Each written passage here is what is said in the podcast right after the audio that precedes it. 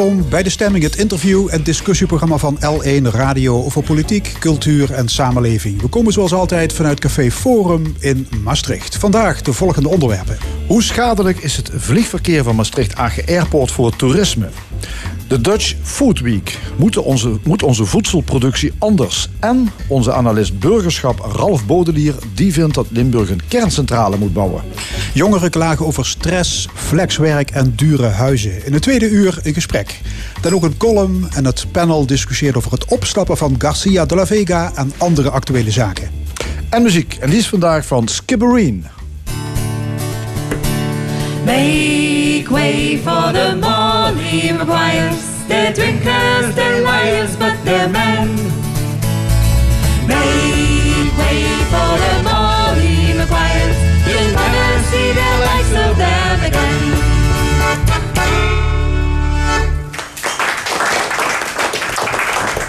Maastricht-Aachen Airport wil fors groeien.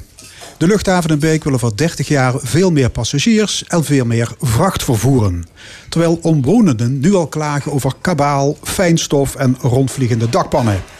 Toeristische ondernemers zijn evenmin blij met deze ambitie. Ze vrezen dat vakantievierders die rust en natuur zoeken Limburg de rug zullen toekeren. Aan tafel Wieland Vogels, campingbaas en eh, bestuurslid van Visit Zuid-Limburg. En Jos Roeven, directeur van Maastricht Aachen Airport. Goedemorgen allebei. Meneer Roeven, ja, het vliegveld wil groeien. Maar wat zijn precies die ambities? Nou, goedemorgen allereerst. Uh, ja, zoals elk commercieel bedrijf uh, hebben wij ook uh, groeiambities. U weet misschien dat de afgelopen jaren uh, ja, het vliegveld een beetje door een ondergrens is gegaan. Hè? met jarenlange afname van passagiers en vrachtaantallen zijn we nu weer een beetje uit, uit het dipje aan het klimmen. Dus de eerste ambitie is weer op het niveau te komen waar we vroeger zaten. En ja, verder hebben we al de heel lang gestelde ambitie om 700.000 passagiers en 200.000 ton gevlogen vracht te gaan doen over zeven jaar. En op dit moment zitten we zo'n beetje op 60 tot 70 procent van die ambitie. Ja, 700.000 passagiers hoor ik u zeggen, maar ja. er zit nog veel meer uh, uh, hoop bij, hè? Ja, nou, er is natuurlijk uh, nu een, een, nieuwe luchtvaartnota in ontwerp. En ja, daar kijken we natuurlijk over een hele lange periode. En een, een periode meer dan 30 jaar vanaf nu. En ik denk dat u, als u nog kunt herinneren hoe het 30 jaar geleden was... toen er nog geen TomTom was, toen we met de ANWB-kaart op schoot in Man, de auto wat zaten. Tijden, hè? Ja. Er waren ja. geen smarttelefoons, er was Nee. geen social media... er waren amper, amper e-mails. eh, dat u wel kunt voorstellen dat over 30 jaar de wereld er ook heel Ja. anders uit zal En zien. hoeveel passagiers zouden er dan wat u betreft moeten vliegen vanaf Maastricht Agen Airport? Nou, wij hebben daar als getal eh, 1,2 miljoen voor ingevuld. Maar eh, wel groei door middel van energietransitie. Ja, maar 1,2 miljoen, dat is voor alle duidelijkheid, dat is vier keer zoveel als nu. Eh, vier keer zoveel als vorig jaar. Ja. Ja, dat is ongeveer drie keer zoveel. Dit jaar gaan we ongeveer 400.000 passagiers doen. Dus drie keer zoveel als wat we nu doen. ja, en ook een hoop meer vracht, wil u. Ja, nou ja, kijk, als natuurlijk energie, eh, tra- eh, eh, energietransitie gaat plaatsvinden en, eh, en vliegtuigen gaan elektrisch worden. Ik denk dat Nederland daar een hele belangrijke rol in kan vervullen. Ja, dan is natuurlijk, dan heb je ook geen eh, geluids- of uitstootoverlast meer. En dan zal er iets minder eh, de rem op de groei van de luchtvaart zitten. En ja, we hadden het net in het voorgesprek ook al een beetje over. Hè. Je kunt de industrie hard aanpakken. Maar uiteindelijk zal de, de consument gewoon minder moeten gaan vliegen.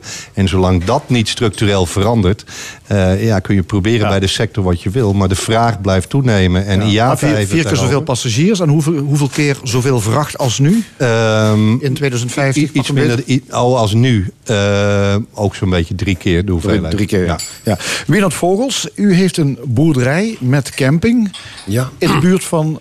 Schennen. Ja, in Schinnen, dat is in de buurt van eh, het vliegveld. Ik moet wel even corrigeren. De camping is inmiddels eh, overgedragen aan onze dochter. Dus eh, zij is op dit moment zeg maar, de, de eigenaresse en exploitant van deze camping. Oké, maar, maar- we staan daar met raad en daad uiteraard bij. Ja, maar het is wel een familiebedrijf. Het hè? familiebedrijf, opgesticht door mijn moeder in 1950... Het was in het begin een boerencamping. Eh, In de jaren 70 hebben mijn vrouw en ik hebben het overgenomen. En we hebben deze natuurcamping uitgebreid tot de huidige situatie. Ja, wat is een natuurcamping eigenlijk? Nou, dat is een camping. Dat zijn eigenlijk mensen die eh, op zoek zijn naar rust, naar meer ruimte, naar meer groen. Eh, het zijn eh, mensen die van cultuur houden, van wandelen houden en van fietsen. Maar bovenal rust. Rust. En daar, daar komen ze voor. En krijgt u van uw gasten alles te horen? Nou ja, dat is toch wel steeds minder. Want we horen dat het vliegveld weer aan het bijkrabbelen is, opkrabbelen is. Ja. Dus meer vluchten. Ja. Krijgt u het te, te horen? We krijgen het steeds meer te horen en dat schrikt ons in hoge mate. En het gaat zelfs zo ver dat er mensen nu zeggen van... als ik dit geweten had, was ik niet gekomen. Dan hebben we het over de vluchten die nu plaatsvinden. Op dit moment, maar ook al vorig jaar. We hadden tot 2016 wa- waren er eigenlijk geen problemen. Natuurlijk, er steeg wel eens een keer een vliegtuig op, maar het was te doen. Maar er is fundamenteel wat gewijzigd op, eh, op het vliegveld MAA. Vanmorgen werd ik om precies zeven minuten over zes al gewekt door de eerste vlucht. Zeven minuten later steeg de tweede vlucht op. Bij ons zijn de meeste gasten die komen, dit zijn kampeerders. Dat zijn mensen met caravans, maar vooral zomers. Dus 70 tot 80 procent van de gasten die hebben tenten. En tenten kun je niet isoleren. En als je om, om zeven minuten over zes gewekt wordt door vliegtuigen... Ja, dan hoef je niet veel fantasie te hebben van wat voor toekomst dat onze camping heeft. Nee, met hoe- deze ontwikkeling. Ja, want hoeveel lawaai is dat? Wat moet ik me voorstellen? Je schrikt echt wakker? Ja, je schrikt gewoon wakker. Je hoort dat ding eh, boven je vliegen. Hè? En, en eh, kijk, al- als hij al wat hoogte heeft... dan is de impact van het lawaai... be- bestrijkt een veel groter gebied. Ja. Kijk, als je kijkt naar de impact... eh, als een vliegtuig landt of opstijgt boven Beek... of, of het land boven, boven Geleen of zo... dan hoor je opeens, ja, je schrik, je Lazarus... maar het is, eh, zeg maar, 10 seconden. Maar bij ons, ja, je, je hoort dat ding een paar minuten. Ja. Eh, meneer Roeven, ja, begrijpt u de, de vrees van, van de heer Vogels? Nou ja, overlast is natuurlijk voor een groot deel eh, subjectief. Ehm, kijk, eh, ik, ik, ik waardeer het zeg maar dat er onderzoek, onderzoek is gedaan dat, eh, ja, waaruit blijkt dat, dat de meeste klanten, zeg maar, bezoekers Hollanders zijn, dus die uit het westen komen. En dat inderdaad de meeste toeristen voor stilte en rust komen. Wat mij een beetje stoort in deze hele discussie is dat niet onderzocht is in hoeverre zeg maar, MAA nu een negatieve impact daarop heeft. MAA, dat is Maastricht Agen Hè? Aken Ja, ja. Airport daar een invloed op heeft. En ik vind voordat je dat soort dingen roept, dan eh, kun je dat beter eerst onderzoeken. Ja, maar, En- maar ik geloof ik ik hoorde net dat eh, vanmorgen om zeven minuten over zes een vliegtuig eh, opsteeg. Dat kan toch alleen maar van Maastricht Agen Airport Ja, zijn? dat waren er Ja, ja. twee. Dat, Ja. waren, Twee dat, zelfs. waren ook. Ik je, ik- je kunt dat dan me volgen met Flytrack. Dat is helemaal geen probleem. Dat is ook gewoon zo. Maar mensen klagen hier ook over. En ik ben niet de enige. Ook mijn collega- collega's praten hierover. Ja, die klagen hierover. Dus het, komt, het komt van uw vliegveld. Dus Ja, nou ja, goed. Kijk, eh, ik denk dat er. eh, eh, en, en, en dat is wel leuk dat u dat nu meldt. Omdat de provincie Limburg namelijk eh, heeft laten onderzoeken door het NLR. En dat rapport heb ik hier bij me. Maar dat zal pas over twee weken publiekelijk worden. En die heeft laten onderzoeken van hoeveel van die eh, vliegoverlast komt nu van Maastricht-Aken Airport. En eh, met uitzondering zeg maar van eh, Beek en Meersen. En ook Sittard Geleen, Maastricht en Valkenburg. Is, de, is zeg maar de, de, de vliegoverlast in de, in de Heuvellandgemeentes. eh, is in al die gemeentes minder dan de helft is veroorzaakt door MAA. Eh, en van die overlast is, eh, dus dat is een wetenschappelijk onderzoek van, van het NLR. En van die minder dan 50% is 90% zit op grote hoogte, dus boven de 1000 meter. Ehm, dus in die context moeten we het ook wel bekijken. ja, weer naar Nou ja, Vogels? met- ja, maar goed, dan zie je al hoe luidruchtig ons luchtruim inmiddels al is. Maar wat, wat ons als ondernemers, hè, die actief zijn in de recreatiesector, ons erg stoort is... dat met name dit overlast bezorgd wordt door vliegtuigen... in de vroege ochtend en late avonden. Toeristen, uitgaande toeristen, naar andere gebieden brengt... en die daar hun geld gaan besteden. En onze sector schade aanrichten. Wat er ook nog bij komt is dat jaarlijks minimaal 12 miljoen euro subsidie van de provincie in het vliegveld gestoken wordt, in de exploitatie van het vliegveld. Als je dat omrekent, als je nou van die 12 miljoen, 8 miljoen euro zegt van nou dat is aan, aan het, het, het, het, vliegverkeer voor, van passagiers, van toeristen die naar elders heen gaan, dan zijn wij als provincie zijn we 30 euro subsidie aan het verstrekken van elke toerist die naar andere oren gaat en daar eh, zijn geld gaat besteden. En wij zitten met de lasten. Dit is gewoon een hele absurde situatie. Onbegrijpelijk.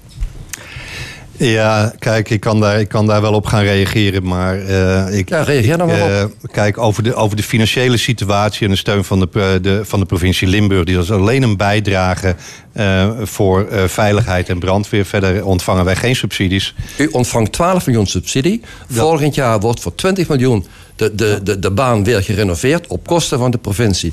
Als je dat bij elkaar, bij elkaar optelt en je, je, je- gaat dat over zes jaar uitstreken, dan worden de provincie 100 miljoen euro in dat vliegveld gestoken. Terwijl in een vliegveld gestoken, waar je van, van, van je van allemaal zeggen, ja, dat ligt erg ongelukkig. We beschikken inmiddels, dat weet u zelf ook, in een straal van 100 kilometer om ons heen over ze- zeven vliegvelden, serieuze vliegvelden, waar, waar je alle mogelijkheden hebt. Dus wat dat betreft, de bereikbaarheid voor de mensen uit deze omgeving om ergens naartoe te gaan of naartoe te komen, die zijn ruimschoots aanwezig. In feite is vliegveld Zuid-Limburg gewoon niet nodig. Ja, Jas Hoeven van Maastricht Aardig Airport. Vindt u van het argument? Het is gewoon er overbodig. zijn, argu- er zijn alternatieven Ja. en die leveren veel minder overlast op en schaden ook de sector, de toeristische sector hier niet. Nou er is hier een enorm verzorgingsgebied. Groter bijvoorbeeld dan in Schiphol. Eh, dus, dus ik denk dat al die luchthavens bij elkaar nog niet kunnen voldoen aan de vraag. Eh, ik wil daarbij ook opmerken dat ook al die andere luchthavens waar nu over gesproken worden, dat die ook gesteund worden in, eh, in de kosten voor veiligheid en brandweer. Ehm, en ik, ik- wa- wat mij een beetje stuit in deze hele discussie. Kijk, ik, tuurlijk, eh, het is al- alsof ik nu gewoon een tegenstander aan tafel, hebben, aan tafel heb. Maar eh, we hebben het natuurlijk over de toeristische industrie. En ik denk elke neutrale luisteraar van dit programma zal het met mij eens zijn eh, dat toerisme en vliegen elkaar versterkt. En als het dan misschien niet elkaar voldoende versterkt, dan vind ik dan zou je daar met elkaar over in gesprek kunnen gaan. Ehm, Maar dat, dat zijn we ook aan het doen. Hè? maar over elkaar te spreken, denk ik, dat is niet de goede gang van zaken. Nou, wa- waarom moet Maastricht AG Airport eigenlijk groeien? Nou, omdat het, eh, eh, omdat het een eh, belangrijk onderdeel is van de infrastructuur van een ambitieuze provincie als de provincie Limburg. We hebben het nu over dat, over dat toerisme in het Heuvelland. Het gaat dus niet om het vliegveld, maar het gaat om de ambities van de provincie Limburg, zegt u. Nee, het gaat, het gaat over het belang eh, van de infrastructuur van een, een luchthaven. Om ook grote eh, bedrijven hier aan te trekken. eh, de conferenties aan te moedigen. Het zakentoerisme op een hoger plan te brengen. Maar ook het inkomend toerisme naar een groter plan te brengen. Kijk, voor de Heuvellandtoerisme, die hebben helemaal niks aan uitgaand toerisme. Maar de reisbureaus, die ook lid zijn van de VVV, die hebben daar wel zeker belang bij. En de, en de vele honderdduizenden Limburgers die eh, eh, regionaal opstappen vanaf hun eigen luchthaven, die hebben daar ook belang bij. Dus in het hele toeristische plaatje heeft het wel zeker een belang. Toevallig ja, heeft- voor de Heuvelland-ondernemers. de die kijken alleen natuurcamping naar- heeft daar natuurlijk niet veel aan. Nee. Nee, maar goed, ik, ik deel ook niet de mening. Hè. We, we hebben zeven serieuze vliegvelden in een straal van 100 kilometer. Ja. Ja. Ja, maar je dat, moet me eens een gebied opnoemen in de wereld... waar in een straal van 100 kilometer zeven vliegvelden liggen. Vliegveld Beek is gewoon overbodig. Ja. Het is gewoon overbodig. nou heeft die, die luchtvaart heeft een sterke lobby. dat- hè? dat schermt ook met grote om vanuit economische... sector zo. Ja. Dat kunt u als persoon zeggen, maar dat kunt u niet als Ik- de toeristische sector ik, zeggen. Ik zit hier als, als ondernemer, als toeristische ondernemer. En vanuit die opti- optiek kijk ik daar zo Maar u tegenaan. praat wel namens de toeristische sector. En, En ik- en een ik- heleboel ja, ja, ik- eh, toeristische ja. hoteleigenaars zijn het totaal niet met u eens. Reisbureaus zijn het niet met u eens. Dus u creëert eigenlijk een, een tweestrijd in, in de toeristische sector... die juist zou moeten toevoegen. Hè? Die twee sectoren die moeten elkaar toevoegen. Nou, weer, naar volgens zijn- zijn er ook is, zijn er inderdaad onder uw leden ook mensen die juist blij zijn met dat vliegveld? Nou, niet dat ik weet. Ja, misschien in Maastricht, misschien daar een paar hotels, maar niet dat ik weet. En ik ben echt eh, goed geïnformeerd. Ik heb met diverse mensen gesproken. U, weet ook dat er een, een brandbrief ligt bij de provincie door, door de samenwerkende hotels in Zuid-Limburg, de Heuveland Hotels. Ik hoor het van collega's van mij, dus we hebben best wel contact. En iedereen eh, is erg bang voor deze ontwikkelingen. Zeker als je kijkt naar de ambities die het vliegveld heeft. Ja, Anja Nieuwer, de directeur van Visit Zuid-Limburg, die zei onlangs dat de groei van het vliegveld zal leiden tot het failliet van het toerisme in Zuid-Limburg. Ik denk het dat, wel. dat zijn nogal grote woorden. Ja, ik denk als je dat maar vaak genoeg blijft roepen... dan wordt het een self-fulfilling prophecy. Hè? Dan, gaat, dan gaat het ook gebeuren. Dan denken die mensen uit het westen... die denken dat hier om de vijf minuten een vliegtuig overkomt. We praten Maar over één mij- vliegtuig in de twee uur... waar enige seconde misschien een minuut last van heeft. En daar praten we over. Maar het wordt er vier keer zoveel. Ja, nee. nee. Ja, het- Allereerst hebben we een ambitie tot 2026. Ik zeg, de rest van de groei is op basis van energietransitie. Dus ik neem aan dat mensen niet gaan klagen als ze hun vliegtuig niet horen. Als ze elektrisch overkomen. Of krijgen we dan eh, last van het licht dat die maakt. Maar hoe snel, Dat- hoe snel zal lang- dit daar liggen- plaatsvinden? Daar liggen wij beide al lang in de grond. Ja, nou, ik geloof daar niet in. Ik, eh, ik, ik weet zeker dat in 2035 dat vluchten tot twee uur vliegen... dat die allemaal elektrisch zijn. En tien jaar later zijn alle vluchten elektrisch. Maar toch lees ik dat vliegtuigen zijn zo duur. Eh, de afschrijvingsperiode die, eh, die, die neemt eh, tientallen jaren in beslag. Dus voordat wij elektrisch gaan vliegen... moeten eerst de, al die andere vliegtuigen opgebruikt zijn. Ja.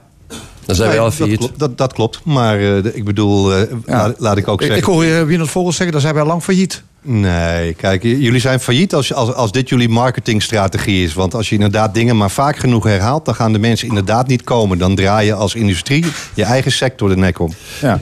Maar nou is, vliegverkeer zorgt voor eh ultrafijnstof, veel CO2-uitstoot, eh, overlast. In, het ligt in een dichtbevolkt gebied. Ja. Is het gewoon niet meer van. Is het eigenlijk nog wel van deze tijd om te denken dat je met een vliegtuig op deze vliegveld op deze plek inderdaad kan groeien? Nee, kijk, en ik denk dat u dat ook eh, in, de, in de juiste proporties moet zien. Eh, kijk, wij zijn. eh, wij gaan op dit, jaar, dit jaar gaan wij 400.000 passagiers doen. Ja? Om een vergelijking te maken met een ander regionaal veld, Eindhoven, die vroeger kleiner was dan ons, die gaat zo'n beetje 7 miljoen passagiers doen. Dus we zijn nog niet eens 10% van wat zij doen. Luik doet 900.000 ton vracht. Ja. Wij gaan dit jaar anderen doen nog veel 140. meer, ja. Dus, dus we- nee, maar dus wij zijn een kleine regionale luchthaven. En we zullen ook een kleine regionale luchthaven blijven. En, een- en een grote eh, economische speler, de luchtvaart. Eh, is, is, die, is die strijd te winnen, meneer Vogels? Nou, als je eh, serieus kijkt naar wat eh, omgaat in de toeristische sector. We praten over 21.000 mensen die direct werkzaam zijn in de, in de, in de sector. In Zuid-Limburg. In Zuid-Limburg, we praten over Zuid-Limburg. Als je kijkt, we praten over een omzet van, van tussen de 2 en de 2,5 miljard.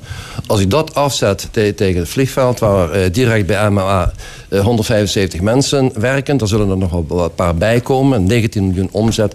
Ja, dan, dan, dan, dan, eh, dan, dan, dan is het toch duidelijk welke keuze je moet maken. U bent groter, zegt u, dus u zou Ja, gelijk moeten krijgen. Die schade die wij gaan oplopen hiermee is een veelvoud van wat dit kan opleveren. Oké.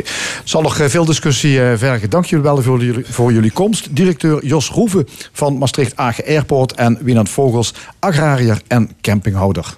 Graag gedaan. Was camping. En zo dadelijk in de stemming onze analist de burgerschap Ralf Baudelier over de noodzaak van kernenergie. Maar eerst muziek. Eh, ik sta bij Leonie Senden van eh Skibbereen uit de regio Parkstad. Leonie, welk soort muziek maken jullie? Wij maken Ierse Keltische folk. En hoe is de band ontstaan? Ehm, ja, dat is heel leuk. Wij eh, zijn ooit eh, als vrienden gewoon gaan jammen thuis in de keuken. En ehm, ja, er waren mensen die hadden wat Ierse eh, tunes, hè, sets. En eh, zo is het eigenlijk gewoon een beetje, beetje ontstaan. Samen muziek maken. En ja, de voorliefde voor Ierse muziek is ook op die manier ontstaan. Dus Ja, de naam is Skibbereen. Waar komt die naam vandaan? dat komt uit een plaatsje uit uh, Skibbereen eh, in Ierland, Zuid-Ierland. Ja. Jullie moeten dus gaan rondtoeren in Ierland. Pub, pubs genoeg, ja, dat zou heel leuk zijn. maar dan niet vliegen, of wel? Nou, dat weet ik nog niet. Misschien met een hele leuke bus. Adriaan heeft een hele mooie bus. Dan moet je toch de zee over. Hey, maar jullie gebruiken eh, bijzondere instrumenten zoals de dobro, de autoharp, de bodran. Met name de bodran, dat is een typisch Iers instrument, hè? Ja, klopt. Dat is een eh, Ierse drom. Eh, David zit hiernaast. Die kan daar iets meer over. Even laten horen. Hey, en ik zie nog nergens op het podium glazen met Guinness. Is het nog te vroeg? ja, dat doen we na de optreden. Hey, en jullie spelen eigen werk? Eh, nog niet. We hebben, het is wel de planning om eh, eigen werk eh, te gaan spelen. Maar we spelen vooral hele oude tunes en, en songs. Oké. Wat wordt het eerste nummer? Het eerste nummer is de Molly Maguires. En dat is een ode aan de mijnwerkers. Oké. Zet hem op. Hier is Skibbereen.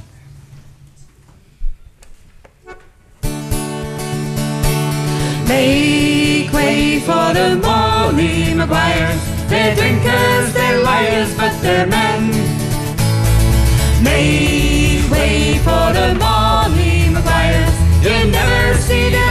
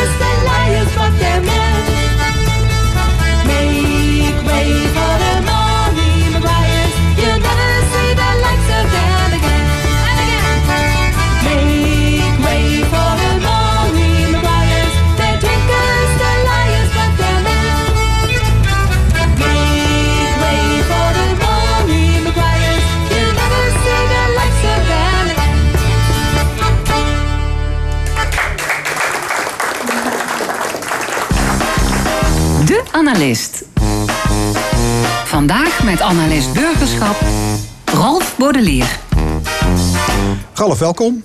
Dag Fons. Je schreef vorige week eh, in de Volkskrant een lofzang op kernenergie. Jazeker. En je gaat ons nu vertellen dat Limburg een kerncentrale moet gaan bouwen. Nou en of. Je bent bloedserieus, hè? Ik ben bloedserieus. Oké. Eh, we hebben te maken met klimaatverandering. Ja.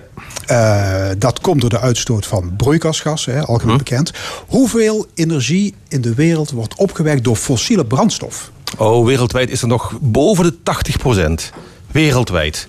Dus 8 op de 10, eh, hè, noem maar op, eh, terawatt energie is eh, fossiel. Ja. En wind- en zonne-energie? Ho- rond de 1% op dit moment. 1 procent. 1% wereldwijd. Ja, Nederland zit geloof ik op 1,2 procent. Ja. Dus meer dan 19% halen we uit kolen, gas Ja. en olie. Dus dat schiet voor geen meter op. Het schiet voor geen meter op. En we zijn al 30, 40 jaar bezig, hè? Om even toch, want ik herinner me nog toen ik ging studeren, eh, bijna 40 jaar geleden, al die stickers op je auto's, weet je wel. Hè? We moeten naar nieuwe energie, geen kernenergie in dit geval, nu wel kernenergie, voor mij. Ehm, dus het, het, het gaat heel, heel, heel Ja, langzaam. Maar de afgelopen jaren is er wel wat gebeurd, hè? Ik bedoel, er is een klimaatakkoord afgesproken Natuurlijk, bijvoorbeeld. ja. Straks allemaal aan de warmtepomp. Ja. Dus het begint, het begint wel te kantelen. Jawel, maar het punt is, we gaan ook steeds meer energie gebruiken. Eh, dus we gebruiken zoveel energie. Wij hier natuurlijk in het Westen. Maar bij ons is het een beetje aan het afvlakken. Omdat wij ook steeds energiezuiniger eh, produceren. Maar vooral natuurlijk in derde wereldlanden. Eh, China is een opkomst, was een opkomst. Afrika komt erbij. Hè. Er moet nog een miljard mensen moeten nog aan de energie. Die hebben nog geen stopcontact. Die willen allemaal graag ook een koelkast en een magnetron. Eh, nog 2 à 3 miljard mensen komen erbij de komende 50 jaar. Die zullen allemaal energie willen. Dus de energiebehoefte stijgt zo enorm dat de, de alternatieve energie, of eh, de duurzame, hoe je noemen wil. Jij zegt dat, niet redden, dat redden we niet met een windmolen. Dat, dat redden we niet met Maar windmolens. wat is er dan nodig? De, de VN-klimaatorganisatie die denkt aan grootschalige aanplant van bomen. Ja, wat vind jij daarvan? Daar ben ik ontzettend voor. Eh, Ze denken aan een eh, miljard hectare aan bomen aanplanten. Dat is dus enorm veel. Dat is ongeveer de omvang van Europa. Twee keer zelfs. Eh, Twee keer Europa, precies. En eh, die bomen die kunnen voor een heel groot deel, als je die aanplant, kunnen die weer de CO2 uit de lucht trekken. Want bomen bestaan uit koolstof. En dat zou een manier zijn om de temperatuurstijging toch op 1,5 graden te houden. Of dat gaat gebeuren is een ander ding. Nou, de Chinezen zijn enorm aan aanplanten. Überhaupt in West-Europa wordt, in het westelijke deel van de wereld, wordt überhaupt steeds meer aangeplant. Limburg zijn plannen om 1 miljoen bomen te planten. Aan. staat in het coalitieakkoord. Precies, ja, ja. Limburg doet het überhaupt, vind ik, helemaal niet slecht hoor. Op allerlei terreinen. Ja. Maar goed, dat is een... eh, ja. Maar goed, je hebt het over 1 miljard hectare grond om bomen te planten. Hebben wij die ruimte? Ja, volgens die IPCC-wetenschappers, als je wereldwijd bij elkaar telt, hebben we ruim voldoende om die 1 miljard bomen aan te planten. Alleen bijvoorbeeld hier in Nederland, om even een actualiteit erbij te nemen. Wij stappen nu over van kolen volledig op biomassa. Biomassa de facto zijn bomen. Dus alleen in bijvoorbeeld de Amerscentrale, die is een van die centrales die overgaat van kolen op biomassa, op bomen. Er zullen dan volgens mij 45 voetbalvelden per dag aan bomen in worden opgebrand. Dat zijn 16.000 voetbalvelden per jaar. Dus enerzijds planten we aan.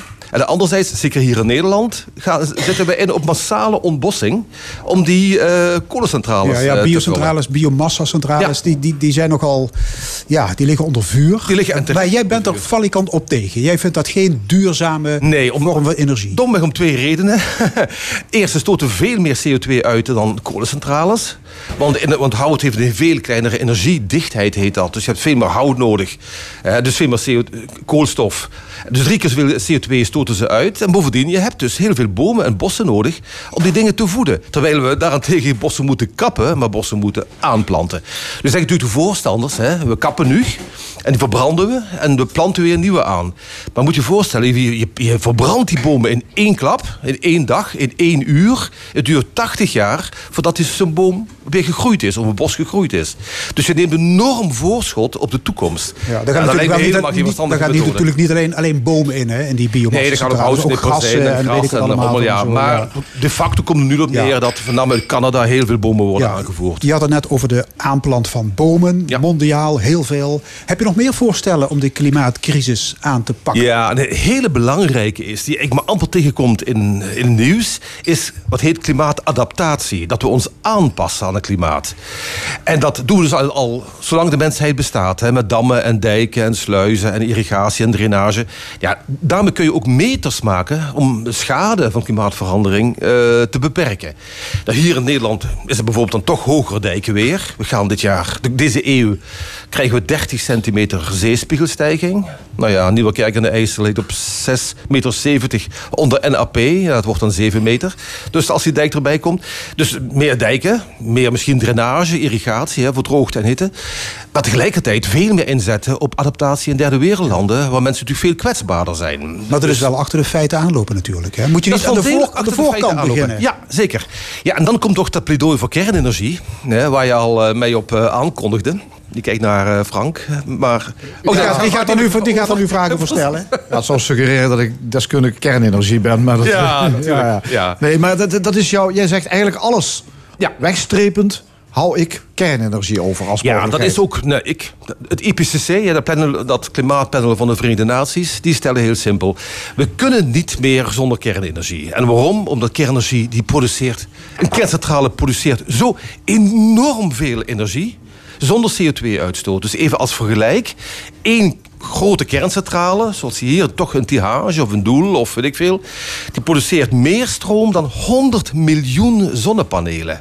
Meer stroom dan 3000 windmolens. Meer stroom dan 150 van die biomassa-centrales.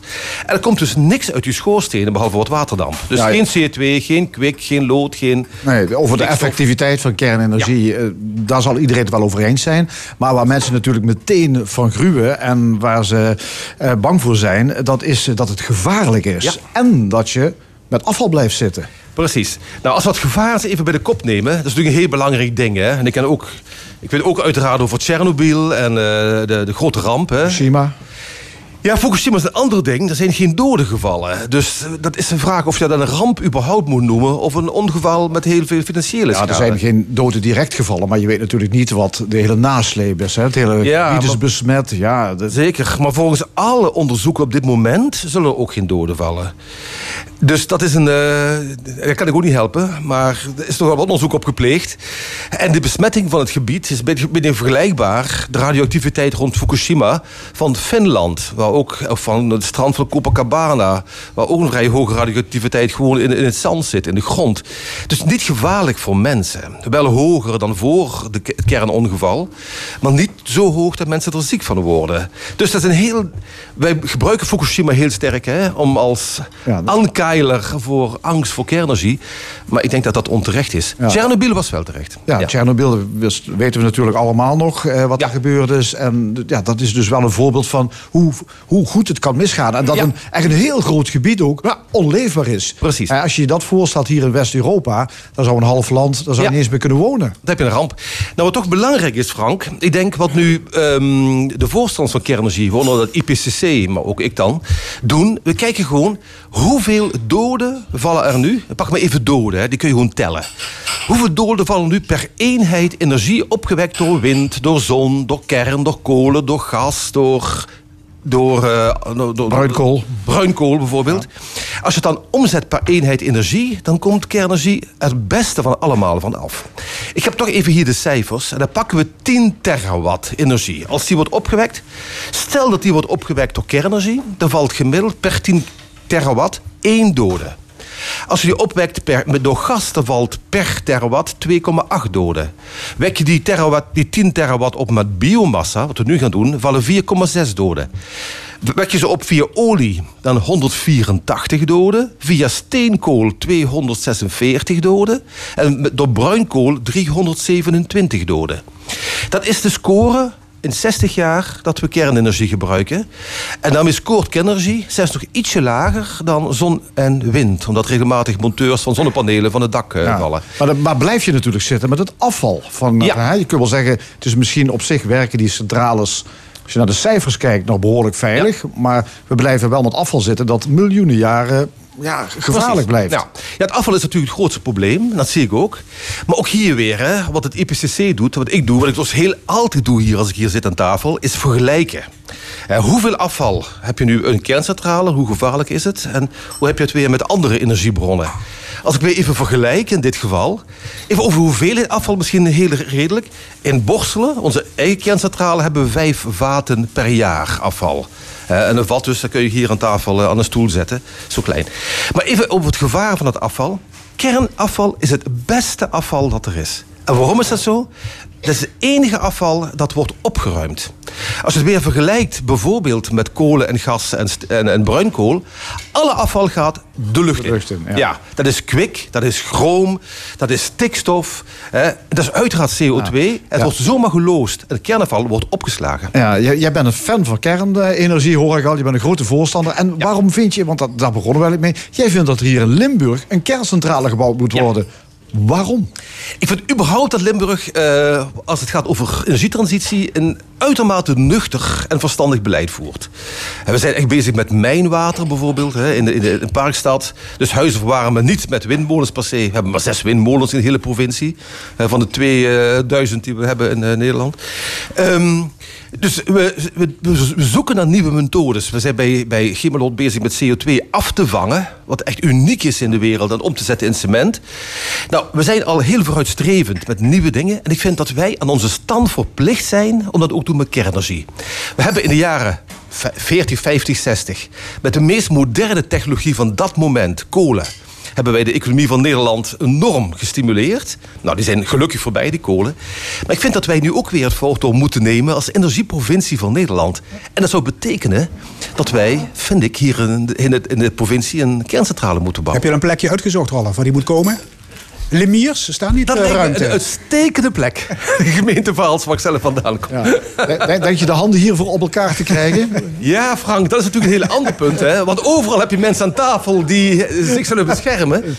Maar goed, krijg je handen op tafel voor eh, 100 miljoen zonnepanelen, voor 3000 windmolens. En die hebben ook allemaal afval. Hè? Dus zonnepanelen, daar zit cadmium in, er zit chroom in, aluminium, zilver. Die gaan momenteel gaan ze naar Afrika, worden ze afgevoerd en dat worden ze gedumpt.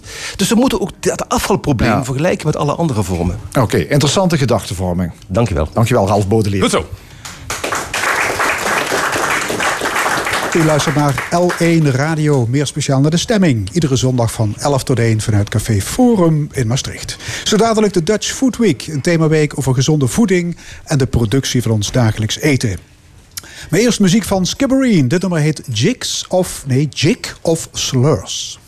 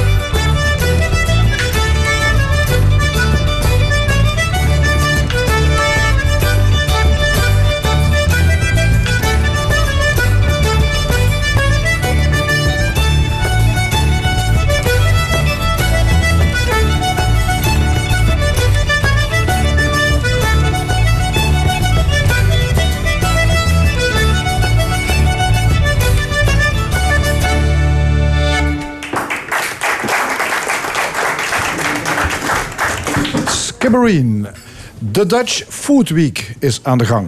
Een week waarin we aandacht vragen voor onze voeding. En het thema is dit jaar Wat eten we? Het gaat over zaken als waar komt ons voedsel vandaan, hoe voedzaam is het en hoe duurzaam. Ook de Brightland Campus Greenport in Venlo laat zich niet onbetuigd en organiseert tal van activiteiten. Bij ons directeur Saskia Goedgeluk en ook aan tafel milieudeskundige Guus Geurts. Welkom. Geurts, om met u te beginnen. De boeren hebben zich ook laten zien tijdens de Dutch Food Week. Ze voelen zich de kop van Jut. Eh, begrijpt u de frustraties van de boeren? Ja, wij zitten, de boeren. Ik heb zelf twee broers die melkveehouder zijn. En eh, die, eentje is mee geweest. Eh, de boeren zijn eh, al een tijdje de kop van Jut. Eh, we hebben net een discussie rond luchtvaart gehad. Dat moet maar groeien, nog drie, vier keer. De boeren zijn al eh, teruggegaan in uitstoot. En het ergste is, ze zien al hun inspanningen niet in de prijs terug.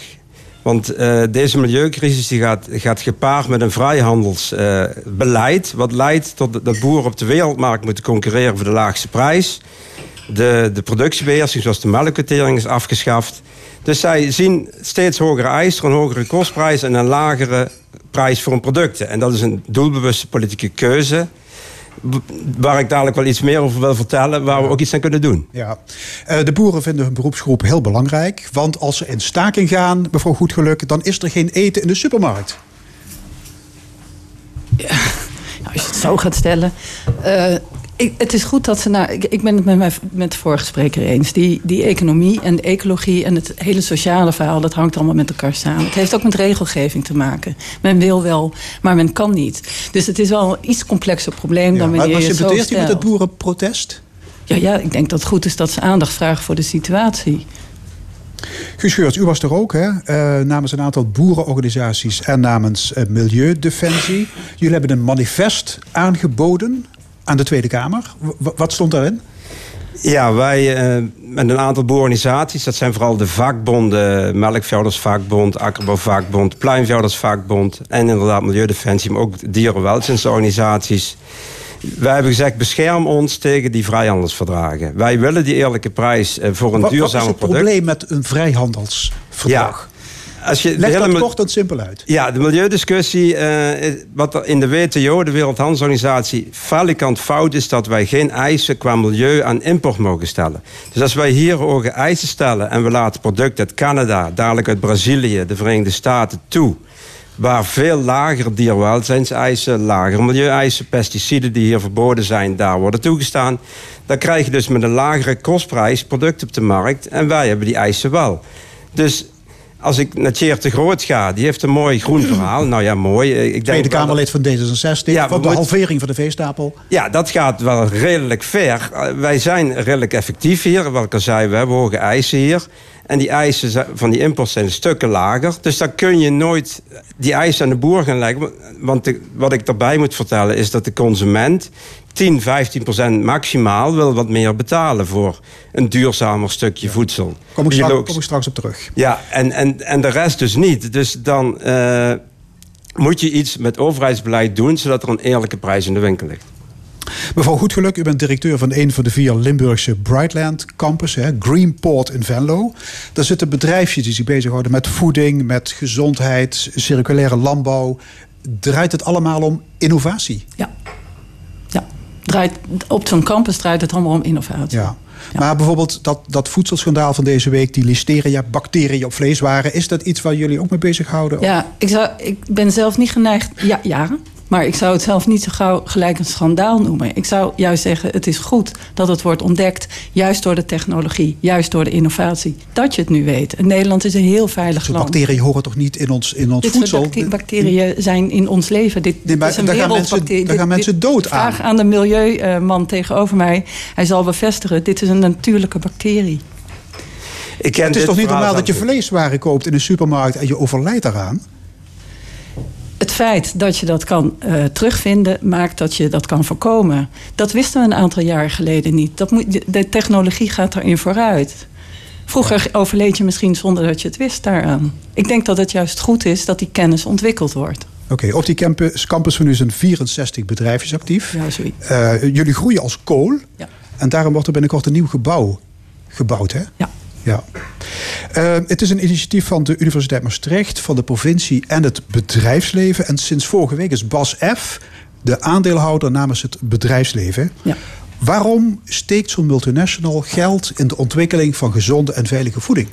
Deze multinational BSF uh, Vegetable Seeds is het uh, onderdeel wat dat doet. Dus dat gaat over, uh, over, over, over zaadontwikkeling, over sla, komkommer, prei.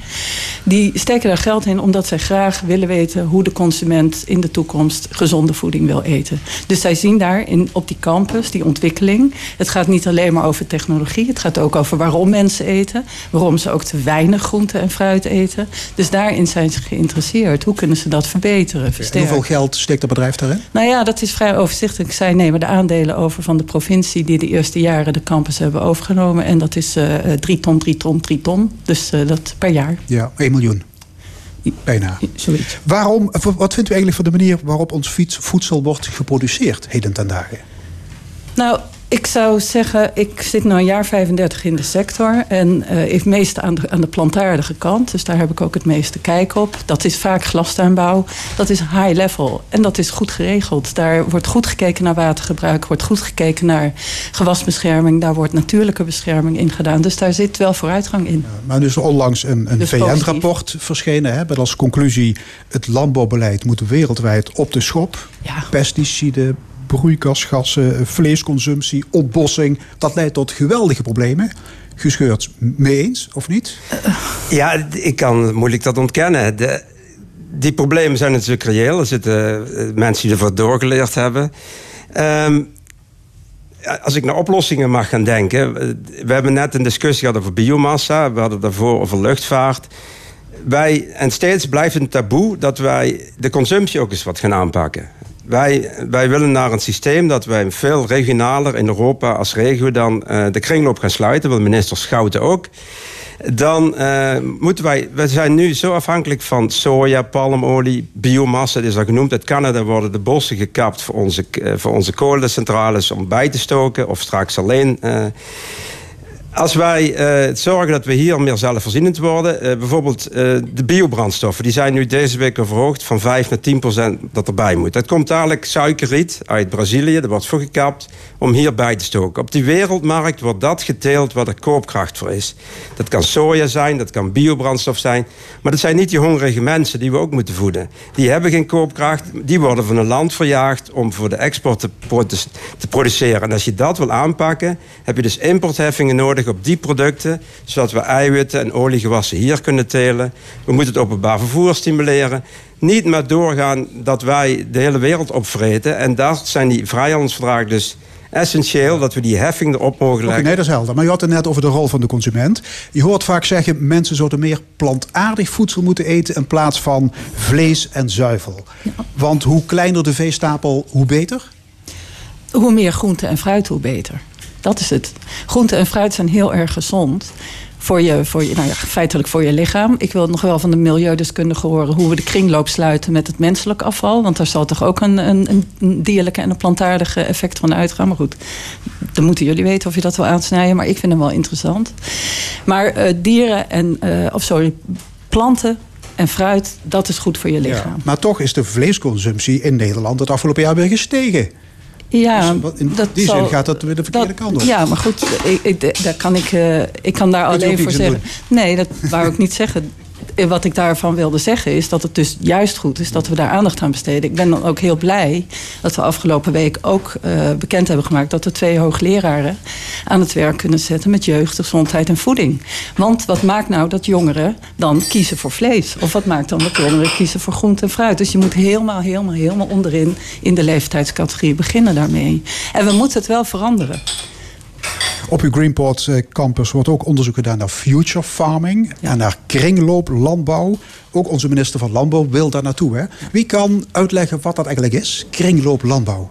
Ja, dan komen we, dan zal ik die menselijke mens meteen meenemen. Uh, we willen dus, uh, als jij uh, voedsel eet, komt je menselijke mest, hou je over. Je krijgt mineralen binnen, die komt ook weer terug. Dat gaat ook via de veehouderij. Via de akkerbouw is het wel handig dat we die dierlijke mest houden... om te, überhaupt te kunnen, voedsel te kunnen groeien.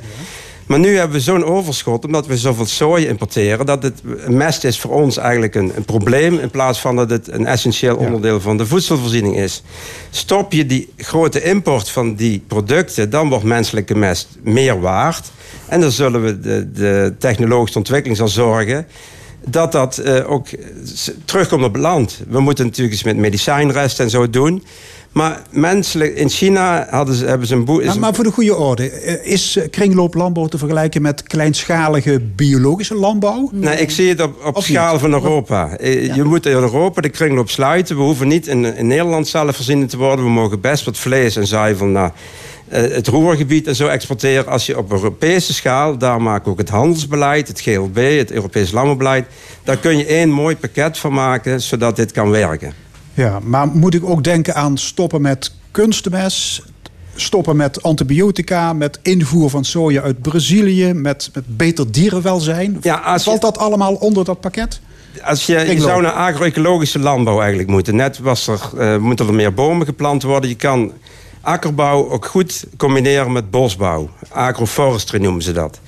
Dus, en je kan ook het GLB, het Europees Landbouwbeleid, geld, is 50 miljard, dat nu iedere boer met een hectare grond krijgt. Als je nu zorgt voor die kostendekkende prijs via de marktregulering, dus wel weer een super productiebeheersing op melk, maar de hele veehouderij. Als je een importheffing hebt op die producten die ik noemde, soja, palmolie, dat je hier de eiwitten, olie gaat telen, dan heb je die 50 miljard over. En dat kun je gaan geven aan boeren die de organische stof in de bodem verhogen. Dat neemt heel veel CO2 op. En dat, dat houdt ook water vast met de verdroging. Is allemaal win-win-win. Maar nu krijgt gewoon elke boer een, een hectare toeslag. Ook omdat die milieu, de milieuvoorwaarden zijn nog redelijk laag. Dus je geeft het gewoon aan de minderheid. En de rest van de boeren krijgt gewoon een goede prijs uit de markt. Zoals jij goed geluk. Is Geurt een naïeve ecologist of, of klopt zijn verhaal? Nee, dat klopt wel. Dat, dat, dat, ik, ik- geloof wel dat je die kant op gaat. Maar ik wou zelf nog een voorbeeld aangeven wat ook daar wel binnenvalt. Er is, eh, jij zei net antibiotica. Er is in eh, champignon door een bedrijf in mijn omgeving een stof eh, uit champignons gehaald. Die nu wordt ingezet om eh, de antibiotica in het veevoeder wat te verlagen. Het is gewoon een vervangende stof. Het is een natuurlijke stof. Dus ook op, de, op die schaal vindt technologie plaats. hè. Dus het, het zit echt op heel veel fronten. Dus het grote verhaal, dat, dat geloof ik wel. Of het echt gaat lukken, weet ik niet. Maar je moet er wel naartoe gaan werken. Eet meer champignons. Dat, zo, dat sowieso, want jij hebt een vitamine D tekort. Dat weet ik nu al. En dat hadden we ook op de campus hebben we dat ontdekt. Dus je moet zeker heel veel champignons gaan eten. Stel dat we toegaan naar duurzame voeding. Is dat betaalbaar? Ja. ja. Ik, zal dit wat, het- ik heb net een aantal eh, maatregelen genoemd.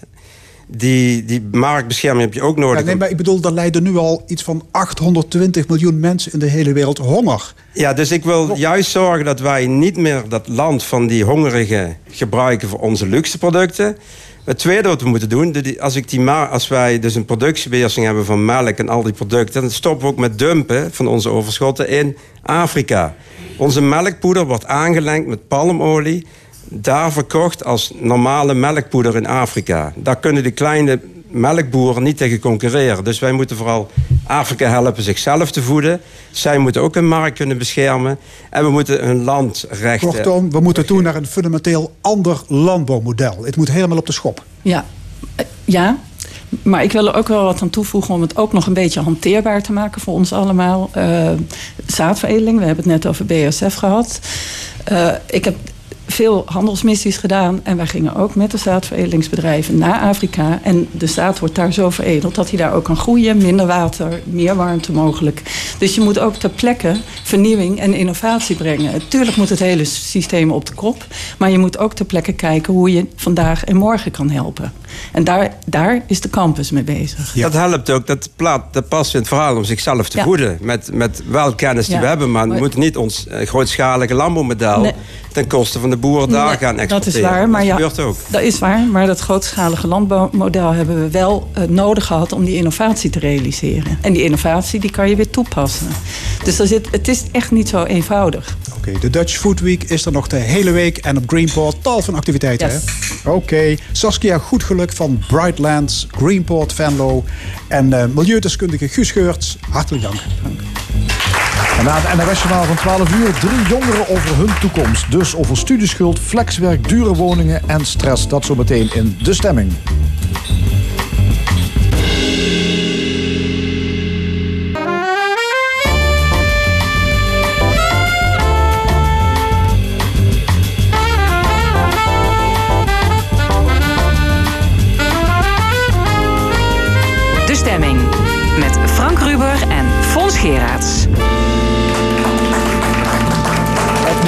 Bij De Stemming, het interview- en discussieprogramma van L1 Radio vanuit Café Forum in Mustreeg. En wat allemaal nog in de tweede en laatste uur. Straks discussieert het panel met Charlotte van Dijk, Joost Reinaerts en Erik Koppen over alle dwaze gebeurtenissen bij Rode JC en andere actualiteiten. Een column van Nina Bokken, muziek van Skibbereen, maar eerst jongeren. Want die klagen steen en been over een moeilijke positie. Ze hebben studieschuld, krijgen geen vaste baan, woningen zijn onbetaalbaar en het leidt allemaal tot een boel stress. Dat beeld wordt bevestigd in een onlangs verschenen nota van de SER, de Sociaal-Economische Raad. Daarin wordt het kabinet geadviseerd om bij het maken van plannen te kijken naar de gevolgen voor jongeren. Rond de tafel hier drie jongeren. En dat zijn Lotte Meerhof, student en vicevoorzitter van Dwars, dat is de jongerenorganisatie van GroenLinks. Lisa Laume, CDA-raadslid in Beekdalen. En Cynthia Smeets, bestuursadviseur en lid van de SP. Hartelijk welkom alle drie. Dankjewel. Uh, ja, de jongste generatie kreeg het altijd beter dan de, dan de vorige generatie. Dat automatisme is gestopt, hebben we begrepen. Cynthia Smeets, hebben twintigers en dertigers het slechter dan hun ouders? Nou ja, als we kijken naar wat er de afgelopen 40 jaar allemaal gebeurd is. Eh, als we het hebben over flexibilisering van de arbeidsmarkt, maar ook over het tekort aan eh, goede woningen. Nou, dan denk ik zeker dat deze generatie het minder goed gaat hebben dan, eh, dan hun ouders. Ja. Lisa Laume, je bent uh, CDA-gemeenteraadslid in Beekdalen. Vind jij de jongeren van nu ook uh, beklagenswaardig?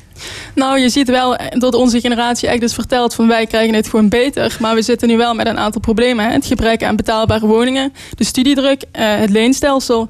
Um, en ja, de realiteit blijkt dus dat het gewoon uh, dat het wellicht toch iets minder goed is dan ons eens, uh, ons eens ja, voorgesteld. Geldt het ook voor jezelf? Heb je het ook minder dan, dan, laat ik zeggen, je ouders? Dat weet ik niet. Nee. Um, Lotte Meerhof, uh, is jouw generatie bezig met het maken van een, van een valse start? Ja, en wordt het tijd voor actie?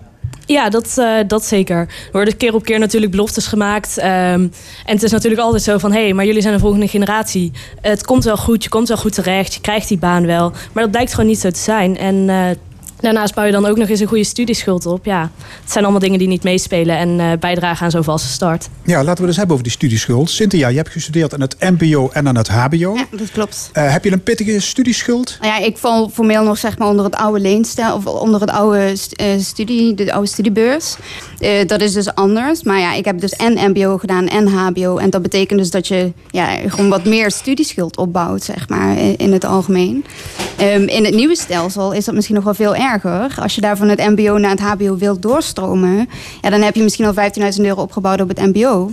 Maar dan ga je dat ook nog een keer doen op het, op het hbo. Ja. Dus dan hoeveel, eindig je hoeveel met euro sta jij in het krijt? Nou ja, ik heb nogal 24.000 euro studieschuld in totaal. Hoeveel? 24.000, ja. Maar je zei net, je hebt de basisbeurs meegemaakt. Ja, en, de en dan moet je nog zoveel terugbetalen. Hoe, ja, hoe, wat heb je dan allemaal geleend? Ja, nou ja, ik heb dus maximaal geleend. En dat heeft ermee te maken dat mijn ouders... Heb je ook bijgeleend bijvoorbeeld? Ik heb bijgeleend, ja, zeker. Um, dat Want die basisbeurs dat... was niet genoeg? Nee, voor mij niet. Uh, mijn ouders die, uh, die konden mijn studie niet betalen. Uh, en ik moest ook nog naar Breda, in ieder geval wel voor mijn hbo.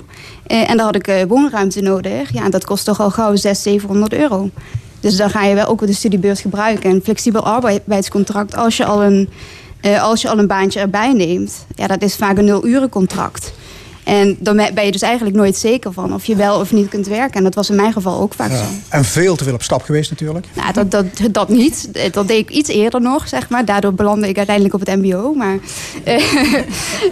Lotte Beerhoff, uh, jij studeert aan de Universiteit Maastricht. Je valt onder het nieuwe leenstelsel. Ja, klopt. Uh, dat drie jaar geleden is ingevoerd. Inmiddels ook al een flinke studieschuld opgebouwd. Ja, ja dat loopt echt in duizenden euro's. Dus uh, ook weer die valse start, hè?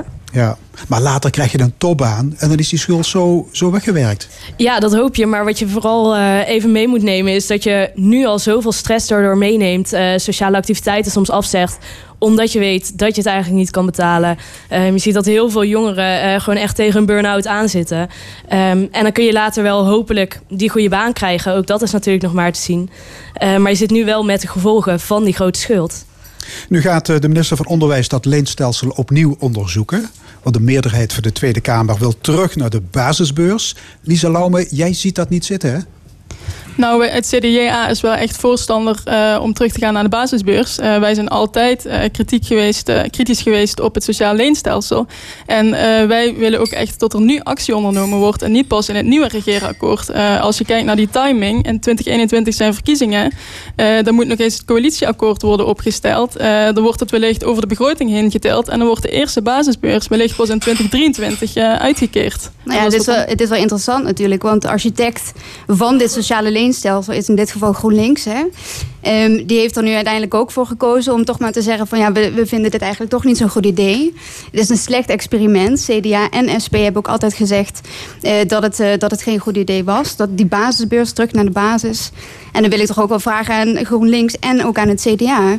Moeten we dan de jongeren van 2015 tot 2019 die ook gewoon compenseren? Ja, ben ik het echt helemaal mee eens. Eh, ik heb laatst een stuk geschreven in de Trouw eh, over ons plan daarvoor. Ehm, eh, ja, die tussengeneratie is gewoon de dupe geworden van een mislukt experiment. Daar moet financiële compensatie tegenover staan. En het is nog een heel lastig vraagstuk natuurlijk hoe je dat precies gaat vormgeven. Ehm, en we zijn echt super blij dat nu ineens een meerderheid in de Tweede Kamer tegen dat leenstelsel is. Maar als je dan straks een nieuw stelsel in gaat voeren, ja, vergeet dan vooral die tussengeneratie niet. Absoluut. Na de studie volgt uh, normaaliter de arbeidsmarkt. Frank? Ja, en, en dat is ook al een probleem. Een vaste baan vinden, dus niet uh, bepaald uh, gemakkelijk. Ik weet niet, hier aan tafel, uh, Cynthia, je zei ik heb mbo, hbo. Heb, heb jij een baan? Ja, nee, ik ben begonnen als ondernemer. Dat is in het CER-rapport, en waar we naar aanleiding van volgens mij ook hier zitten... staat ook dat er heel veel jongeren ervoor kiezen om ondernemer te worden. soms niet, niet bewust. Uh, maar omdat ze gewoon geen vaste baan kunnen vinden. Dat was in mijn geval niet zo. Ik vond het ook gewoon leuk om te doen.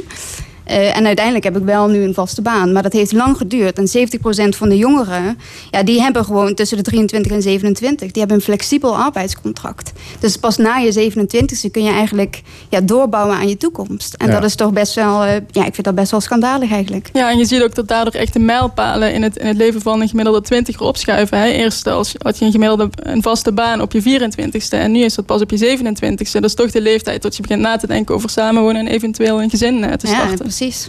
Ja, dat is uh, geloof ik uh, uitgesteld leven, heet dat? Ja. Ja, zo, uh, ja. hoe, hoe is dat? Merken jullie dat in je omgeving? Dat er veel leeftijdsgenoten zijn die misschien wel een vaste baan zouden willen hebben, maar het lukt gewoon niet? Is dat herkenbaar beeld?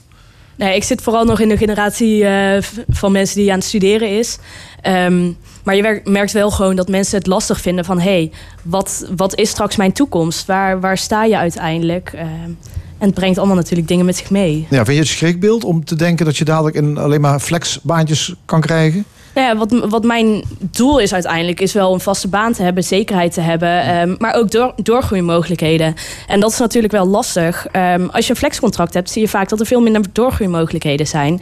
Um, waardoor je minder leert en uh, daarmee weer achterstand uh, oploopt ten opzichte van generaties voor ons. Ja, en misschien ook als je in die flexbaan komt, dat je dat een aantal jaren moet doen en dat er daarna weer een nieuwe generatie van school of universiteit komt die de baantjes inneemt. Is dat, is dat iets waar je over ja, nadenkt? Het is, het is natuurlijk zo dat met een flexcontract het gewoon nooit zeker is of je ja, over een half jaar zeg maar nog brood op de plank hebt. Hè? Dus dat is gewoon, dat is gewoon heel lastig. Ja, zekerheid, dat is iets wat jongeren toch belangrijk vinden. Ja, absoluut. Um, je wil gewoon wel weten of je over een half jaar nog een baan hebt en of je rekening kunt betalen, je hypotheek. Ja, en carrière hoorde ik ook zeggen. Hè? Het is onduidelijk of je wel iets kan, of je kan groeien. Ja, ja dat is toch wat, wat veel mensen willen. Um, je wil en die zekerheid en de mogelijkheid om dingen te leren, om jezelf te ontwikkelen en verder te komen. Kijk, het is natuurlijk zo met een vast contract, zeg maar. Het betekent niet uh, dat je daarbij geen doorgroeimogelijkheden meer hebt. Bijvoorbeeld in het eigen bedrijf. Hè. Ik, ik, ik ben er echt voorstander van dat ieder bedrijf wel gewoon ook altijd werkt aan de interne mobiliteit zeg maar, van, uh, van, van een medewerker. Dat is gewoon heel belangrijk. Ja. Maakt het wat uit als je kapitaal hebt? Uh, sociaal kapitaal, misschien ook wel financieel. als, als je iets achter de hand hebt, misschien rijke ouders bijvoorbeeld, scheelt dat? Ja, wat mij betreft wel, ja. Kijk, als je, als je, als je natuurlijk geen... A- Als je natuurlijk geen eh, rijke ouders hebt, dan betekent dat een groot deel zeg maar, van je toekomst ook gewoon afhankelijk is van, van ja, waar je, eh, welke, welke mogelijkheden je hebt kunnen genieten. Zeg maar. Leg eens uit, hoezo? Als jij, als jij, mijn ouders in dit geval bijvoorbeeld, die eh, niet kapitaalkrachtig waren, ja, dat betekende dus voor mij dat ik een extra hoge schuld moest opbouwen om wel überhaupt te kunnen leren eh, en ook een, eh, een woning te hebben. En dat is toch wel een beetje een, ja, een vreemde basispositie zeg maar, op de, eh, voor je toekomst. Ja, en je ziet ook dat het rapport van de SER laat zien dat het hè, eh, echt van belang is wat je sociale achtergrond is en, en je, je netwerk. Eh, er werd ons altijd verteld, als je gewoon goed studeert, een goed diploma haalt ehm, en goed je best doet op je werk, dan kom je wel aan die andere kant van de sociaal-economische muur. Maar het rapport laat duidelijk zien dat dat niet het geval is. En eh, ja, dan kom ik toch weer even terug op het leenstelsel. Als jij gewoon een co-assistent bent of mantelzorger en je moet naast je studie ook nog een bijbaantje hebben om het te bekostigen en daarnaast ook nog flink te staan netwerken, ja, dat is gewoon erg lastig. En het is gewoon al handiger als je ouders bijvoorbeeld hoger opgeleid zijn en al, al, al een netwerk hebben. Ja, dan heb je toch minder zorgen over de betaalbaarheid. Ja. Ehm, ik wil ook naar de huisvesting. eh, want dat is ook niet eh, echt eh, heel erg om vrolijk van te worden als je jong bent. Eh, een, een woning krijgen is blijkbaar een groot probleem. Ja, absoluut. Ja, als we bijvoorbeeld hier kijken naar Maastricht. Hè, ehm, heel veel jongeren die gaan gewoon ergens anders wonen buiten Maastricht. Eh, omdat de woningen hier veel te duur zijn. Het, je betaalt hier met, met gemak gewoon 800 euro voor een kamertje van, eh, van nog geen 20 vierkante meter, zeg maar. En dat is, ja, dat is gewoon eh, nadelig, denk ik. Ja, Lisa Laume, Beekdalen zijn de woningen goedkoper. Dat zou kunnen. Ja, In, vergelijking met Maastricht denk ik wel. ja, ja. maar hoe, hoe- hoe is het daar met de problemen op het platteland bij jongeren die een woning willen krijgen? Ja, je ziet inderdaad dat het, dat het wel lastig is om gewoon ook eh, aan een hypotheek te komen. En daar ook weer speelt dat, dat leenstelsel een rol. Er wordt ook gewoon gekeken als je een aanvraag voor een hypotheek indient, wat je eh, oorspronkelijke ehm, eh, studieschuld is en niet naar je actuele studieschuld. En kijk, het, ieder eh, individueel beleid is op zich eh, te verdedigen, maar er moet echt beter gekeken worden naar eh, het totaalplaatje. Hè, er wordt gesproken over een generatietoets. Eh, wat is het beleid van het een eh, en het effect op, op het ander?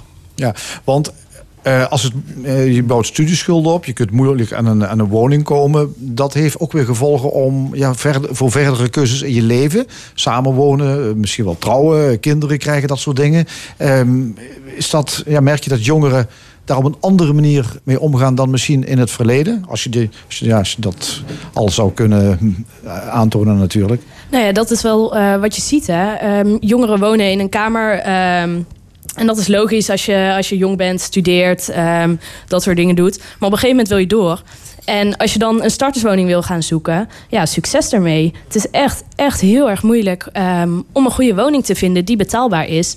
Ehm, en dat is wel waarom er nu gewoon zoveel bijgebouwd moet worden. Aan de ene kant starterswoningen, ehm, zodat meer starters die nu in kamers wonen eh, door kunnen schuiven. Maar aan de andere kant ook zoveel meer betaalbare kamers voor jongeren. Ja, maar, maar jongeren nemen keuzes die eh, nemen ze later in hun leven om bijvoorbeeld kinderen te krijgen. Hebben jullie die indruk? Ja, ik heb, ik heb wel die indruk. Ehm, je ziet toch wel vaker dat, dat jongeren dit uitstellen, zeg maar, tot na hun dertigste. hè. Ja, dat, dat, dat doet ook iets, zeg maar, met, eh, ja, met, met wie je zelf bent en waar je naartoe wil eh, in je leven. Ja, jongeren willen een betere toekomst, maar er begint wel iets te gisten. Hè? Je hebt dat eh, rapport van de SER. Op Prinsjesdag is aan premier Rutte het document I aangeboden. Je kunt niet zeggen dat de problemen van jongeren worden genegeerd. Nou, nu is het wel gewoon nog tijd voor actie. Kijk, als we zeggen, als we, als we zeggen dat dit eh, schuldenstelsel eh, ja, gewoon geen goed experiment is geweest, dan betekent niet dat we over eh, een paar jaar actie moeten ondernemen. Dan betekent dat we dat nu moeten doen. Ja, maar Dat- een, be- aan- een van de aanbevelingen van het document I is... jongeren moeten betrokken worden bij grote politieke besluiten. Ja, dat Zoals hoop, ik, het dat hoop ik en het natuurlijk klimaat. altijd. En want het gaat over hun toekomst. Dus het is, eh, ik, ja, ik eh, beveel het kabinet zeer aan zeg maar, om jongeren altijd te horen in al het beleid wat ze maken. Zeker als het om de opeenstapeling gaat zeg maar, van het beleid. Hè, waar, waar Lisa en Lot het ook allebei over hebben. Dat heeft gewoon effect. Ja, Lisa maar. Laume, je had, je had het net over die generatietoets. Hè?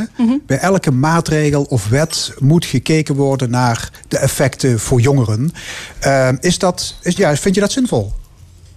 Ja, absoluut. Eh, kijk, als je gewoon kijkt naar de strenge eisen van een, van een hypotheekaanvraag, eh, die zijn prima te verdedigen binnen de context van bijvoorbeeld de financiële crisis. Maar als je dat samenneemt met het besluit om eh, te gaan naar een sociaal leenstelsel, ja, het een heeft wel invloed op de ander. En er moet echt beter naar gekeken worden. Met zo'n generatietoets zou dat leenstelsel er nooit zijn gekomen. Wellicht. Nee, dat denk ik niet. Ja. Jongeren hebben het ook eh, druk. Hè? Ze, moeten, ze moeten hard studeren. Ze hebben vaak een, een, een bijbaantje. Zijn actief in het studentenleven. En dat allemaal in het kader van de CV-building. Lotte Meerhoff, herkenbaar? Ja, heel erg herkenbaar. Dat is ook, ik denk dat we dat allemaal kunnen beamen hier aan tafel. We zijn natuurlijk allemaal druk bezig met, met dingen te doen. En dat doe je ook deels omdat je weet dat dat weer bijdraagt aan, eh, aan eventueel een baan. Maar je wil je ook blijven inzetten voor waar je voor staat. Ehm, en dan kom je ook weer terug bij het leenstelsel. Want heel veel jongeren hebben daar tegenwoordig niet meer de kans voor. Ehm, ik denk dat wij de gelukkige generatie zijn die wel kunnen opkomen voor wat we vinden. Ehm, maar er zijn zoveel jongeren die gewoon wel dat bijbaantje moeten doen. ehm, om rond te komen en eh, zich daardoor niet verder kunnen ontwikkelen. Het, kan, het kan niet, Cynthia Smeets, het kan niet een tandje minder. Eh, waarmee? Ja, al die dingen die ik net opnoemde. Ja, d- dat, dat Studentenleven, kan altijd. werken. Maar wat ik heel erg vind, is ik sprak deze week een rechtenstudent. En die zei tegen mij, hij woont nog steeds bij zijn ouders thuis. Hè? Dus hij is 23, hij woont nog altijd bij zijn ouders.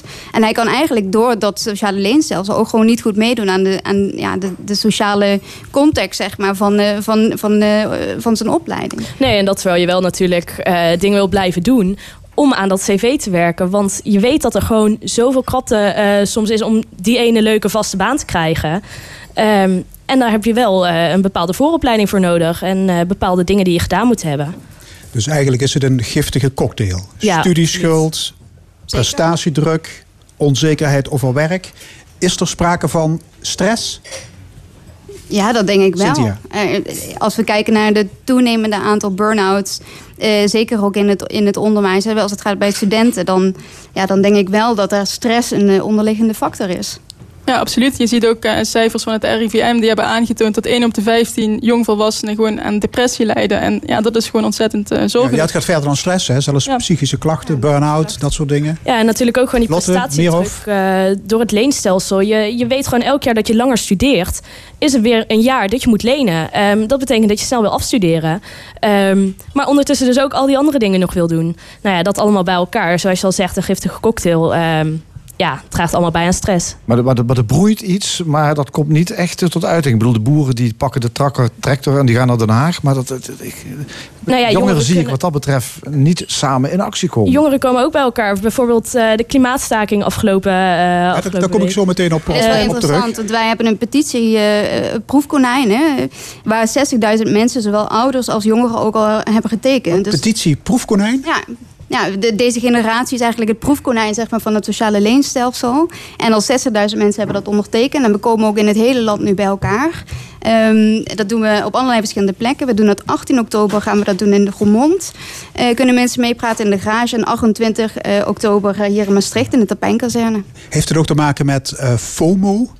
The fear, Fear of of- missing out. Juist. Ja, absoluut. Bang om iets te missen?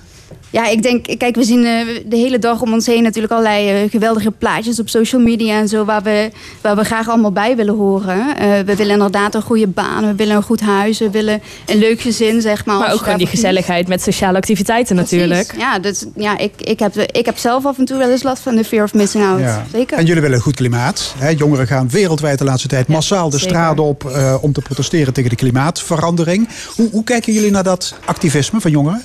Nou, ik denk dat dat heel belangrijk is. Eh, er wordt vanuit de volwassen kant in de politiek gewoon zoveel te weinig actie ondernomen om die klimaatcrisis aan te pakken. Ehm, en het is echt verschrikkelijk dat al die jonge, jongeren eigenlijk de straat op moeten ehm, om te laten zien dat er actie moet komen. Ehm, maar als we dat als jongeren niet zouden doen, dan blijft die, blijft die actie gewoon uit. heeft de, heeft de huidige generatie er een janboel van gemaakt? De huidige generatie, eh, jullie generatie bedoel je? Ja, mag je rustig zeggen, ja. Ik denk, dat het, eh, ik denk dat het helemaal niet te maken heeft met de generatie, maar wel met een politieke generatie. Met politieke keuzes die al gemaakt zijn. Het klimaat werd natuurlijk heel lang ook gewoon ne- genegeerd hè, in, in, in het maken van beleid. En dat is toch wel, eh, ja, daar, daar betalen we nu met z'n allen dan ook de rekening van. het is ook wel echt onze generatie ei hè, van onze leeftijd, eh, die echt met de neus op de feiten is gedrukt door de wetenschap. eh, Dat er echt een duidelijke eh, relatie is tussen de mens en, en het klimaat. Ja, Greta Thunberg zei, zei in de VN-toespraak in New York... You are failing us. We will never forgive you. Ja, maar dat is, dat is zeker waar. Zeg maar, het is heel makkelijk voor de generatie boven ons. Hè. Ehm, ja, weet je, dat klimaat dat is wel belangrijk. Maar ehm, ja, het is zo duur. En ja, wat zijn die gevolgen nou precies? En het is ook heel lastig te voorzien, omdat, eh, omdat het niet duidelijk is in je eigen leven wat die gevolgen precies voor jou gaan zijn. Maar die gevolgen worden wel voor ons zichtbaar.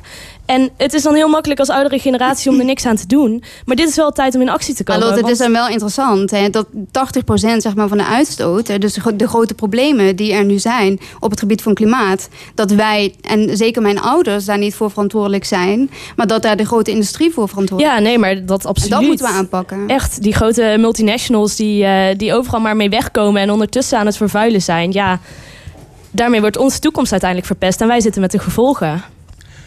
Mag ik jullie hartelijk danken. Lotte Meerhoff, Lise Lomen en Cynthia Smeets. En ze spraken over de benarde positie waarin veel jongeren verkeren. Dank jullie wel. Dankjewel. En dan gaan we luisteren naar Skibbereen. Na de Ierse folkmuziek in het eerste uur nu Americana. Geen vrolijk lied wat we gaan horen, want er wordt iemand vermoord in de volgende song. Caleb Meyer. Hier is Skibbereen.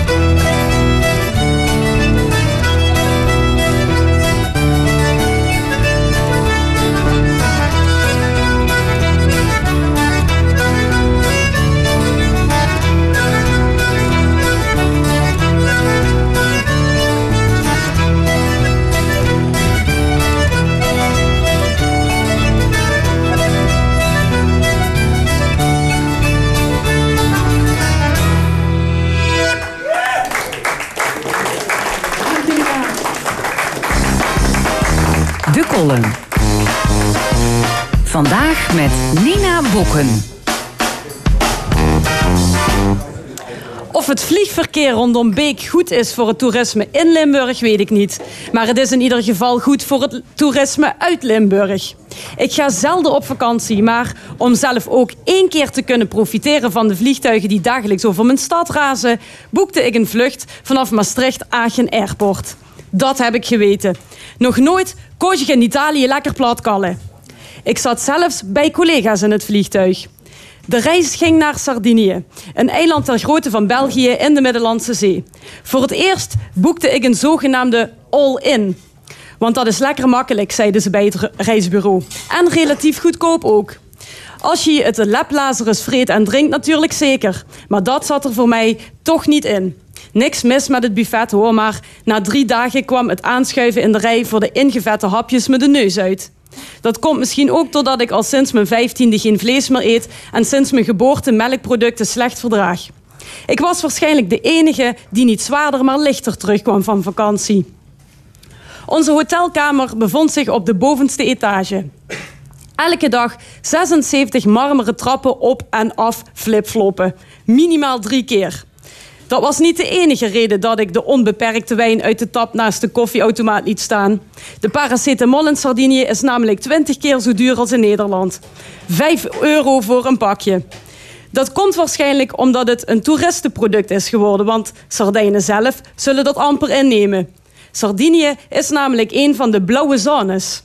Dat zijn specifieke gebieden waar mensen meetbaar gelukkiger en gezonder zijn, maar ook ouder worden. Dat laatste verbaas je als je de eilanders ziet rijden. De gemiddelde 70-plusser haalt je in als een Max Verstappen met een snuifje cocaïne in de neus. Achteruit rijden op de autobaan omdat je een afslag hebt gemist, is ook geen uitzondering. Enfin, een van de kenmerken van blauwe zones is dat mensen er een overwegend plantaardig dieet op nahouden, uit zelfvoorziening. En mensen eten niet te veel, ze eten wat ze echt nodig hebben. Vlees wordt soms wel geconsumeerd, maar dat zijn meestal delicatessen. Waar driekwart van de Nederlandse varkens wordt geëxporteerd naar andere landen en onze vleeskoeien deels worden geïmporteerd, houden de Sardijnen het bij hun eigen vee, vooral voor kaas. Ze hebben zo'n 3 miljoen schapen. Dat lijkt veel, tot je erachter komt dat er in Nederland zo'n 27 miljoen varkens zijn. Verder bleek vrijwel elk restaurant op het Italiaanse eiland een pizzeria. Zouden ze daar nou nooit moe van worden? vroeg mijn vriendin. Eigenlijk zouden wij dan in Nederland allemaal stampoteria's moeten oprichten. Hebben onze boeren ook meteen een nieuwe lokale plantaardige afzetmarkt, grapte ze. Hm. Verbondenheid met de wereld en mensen om je heen is wat blauwe zones misschien wel het meeste kenmerkt. Sardijnen houden de ketens klein. In een all-in vakantieoord vol 50-plussers lijkt dat sociaal engagement plots ook op te bloeien. Mensen die in Nederland nog geen blik waardig zouden gunnen, roepen nu overenthousiast: Goedemorgen! bij het betreden van de ontbijthal, die lijkt op een aula van de middelbare school. Op zo'n moment is het moeilijk voor te stellen hoe een stikstofdebat mensen eenmaal terug in Nederland zo kan verdelen. Hoewel wij elke avond rond tien in bed lagen, ging het feest beneden in het complex nog even door. De Nederlander houdt maar tot op bepaalde hoogte van andere gewoontes. Dus moesten er koffers worden gezongen en galmden er soms de snollebolletjes of André Hazes door het complex. Tja, waar in kerkraden bedenkelijke buitenlandse investeerders eruit worden gesmeten, worden ze in Sardinië met open armen ontvangen. De laatste dagen schoven mijn vriendin en ik schoorvoetend aan aan het veel te drukke en luidruchtige buffet. Mijmerend over Maastricht, verlangend naar ons kleine appartementje, zelf koken en rust. Van grootschaligheid wordt niets beter. Van overdaad wordt niemand gelukkig, dacht ik eenmaal terug in Nederland, zittend op de bank met mijn bord pizza op schoot. De column van Nina Bokken. U luistert naar L1 met De Stemming. We zijn toe aan het discussiepanel. Drie stemmingmakers bespreken het oogspringende actualiteiten. Ik heet van harte welkom Charlotte van Dijk, tot gisteren directeur van het Vrouwenkenniscentrum FAM. Joost Reinaerts, beleidsadviseur en actief in de PvdA. En Erik Koppen, voormalig VVD-bestuurder.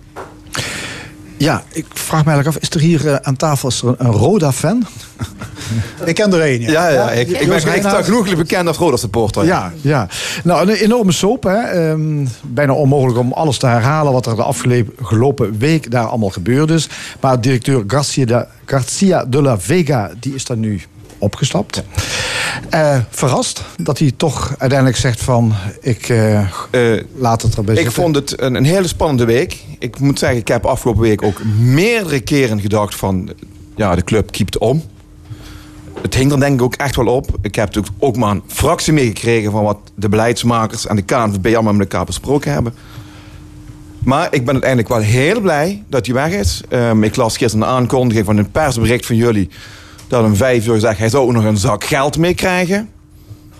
Nou, daar was ik toch wel heel blij mee dat hij dat dus niet kreeg. Want ik denk dat die man heeft de club heel veel schade berokkend. En sterker nog, afgelopen week was er nog een discussie... of de supporters van Roda eh, daar een kwalijke rol in gespeeld hebben. Ik denk dat de gewone man, de gewone supporter... ingegrepen heeft daar waar de bestuursmensen het hebben laten liggen. Maar Rode heeft die man toch zelf binnengehaald? En terecht. En nee, ik moet even terecht, terecht dat de gewone supporter ingegrepen heeft. Want het is een grote godsput dat ze deze man naar binnen gehaald hebben. Ja, is dat jullie indruk ook dat, de, dat hij opgestapt is, de La Vega, vanwege de opstand van de supporters? Ehm, ik, eh, ik, ik moet heel eerlijk zeggen, ik heb het voorbij zien komen allemaal. Voetbal interesseert me niet zo. Gisteren dacht ik, wow, nou moet ik er echt induiken. Ik zag hem voorbij komen door de supporters uit het stadion geduwd. En toen las ik, een van de eerste dingen die ik las... was dat hetzelfde was gebeurd in Murcia. En toen dacht ik, ja, Roda. En inderdaad, bestuurders. Sorry hoor, waar zijn jullie mee bezig? Ja, voor alle duidelijkheid, Murcia, club in Spanje waar eh, de La Vega ook eh, actief is geweest. Ja. Dus, Ja, ik, denk, ik denk dat het een soort, eh, toch een soort paniekvoetbal is geweest. Hè? Roda onder zeer moeilijke omstandigheden. Je probeert toch eh, de club overeind te houden. En ja, dan ben je heel blij met iedere investeerder die zich meldt. Eh, echt letterlijk, ben je dan blij met iedereen die met een zak geld komt Ik denk het wel. Alleen ik, doe zelf veel zaken in het buitenland. En je hebt enorm, dat verbaast me wel. Je hebt hele goede partijen als Dun Bradstreet en dergelijke. Die kun je bellen, kun je een opdracht geven. Kost niet zoveel, een paar centen. En die doen dan diepgaand onderzoek naar iemand en zijn verleden. Ik denk dat ik zou in ieder geval alle voetbalclubs in Nederland adviseren die met buitenlandse investeerders in zee gaan om dat gewoon te doen. Even een check laten doen op de achtergrond van iemand, ook al vertrouw je hem. Ja, maar dit is toch te eenvoudig voor woorden. Dit, dit doe je toch altijd, lijkt mij? Nou, ik, ik ben het toch helemaal mee eens. Ik moet zeggen, eh, afgelopen maand heeft de NRC eerst een heel groot artikel geschreven over de wanpraktijken van deze meneer. En ik las dat artikel en ik dacht alleen maar, waarom kan een club dit onderzoek niet doen? Waarom kan een club niet gewoon op Google, op YouTube zoeken? Want het stond gewoon op YouTube. En dan moet ik ook zeggen, ook wel een verwijt naar de Limburgse media.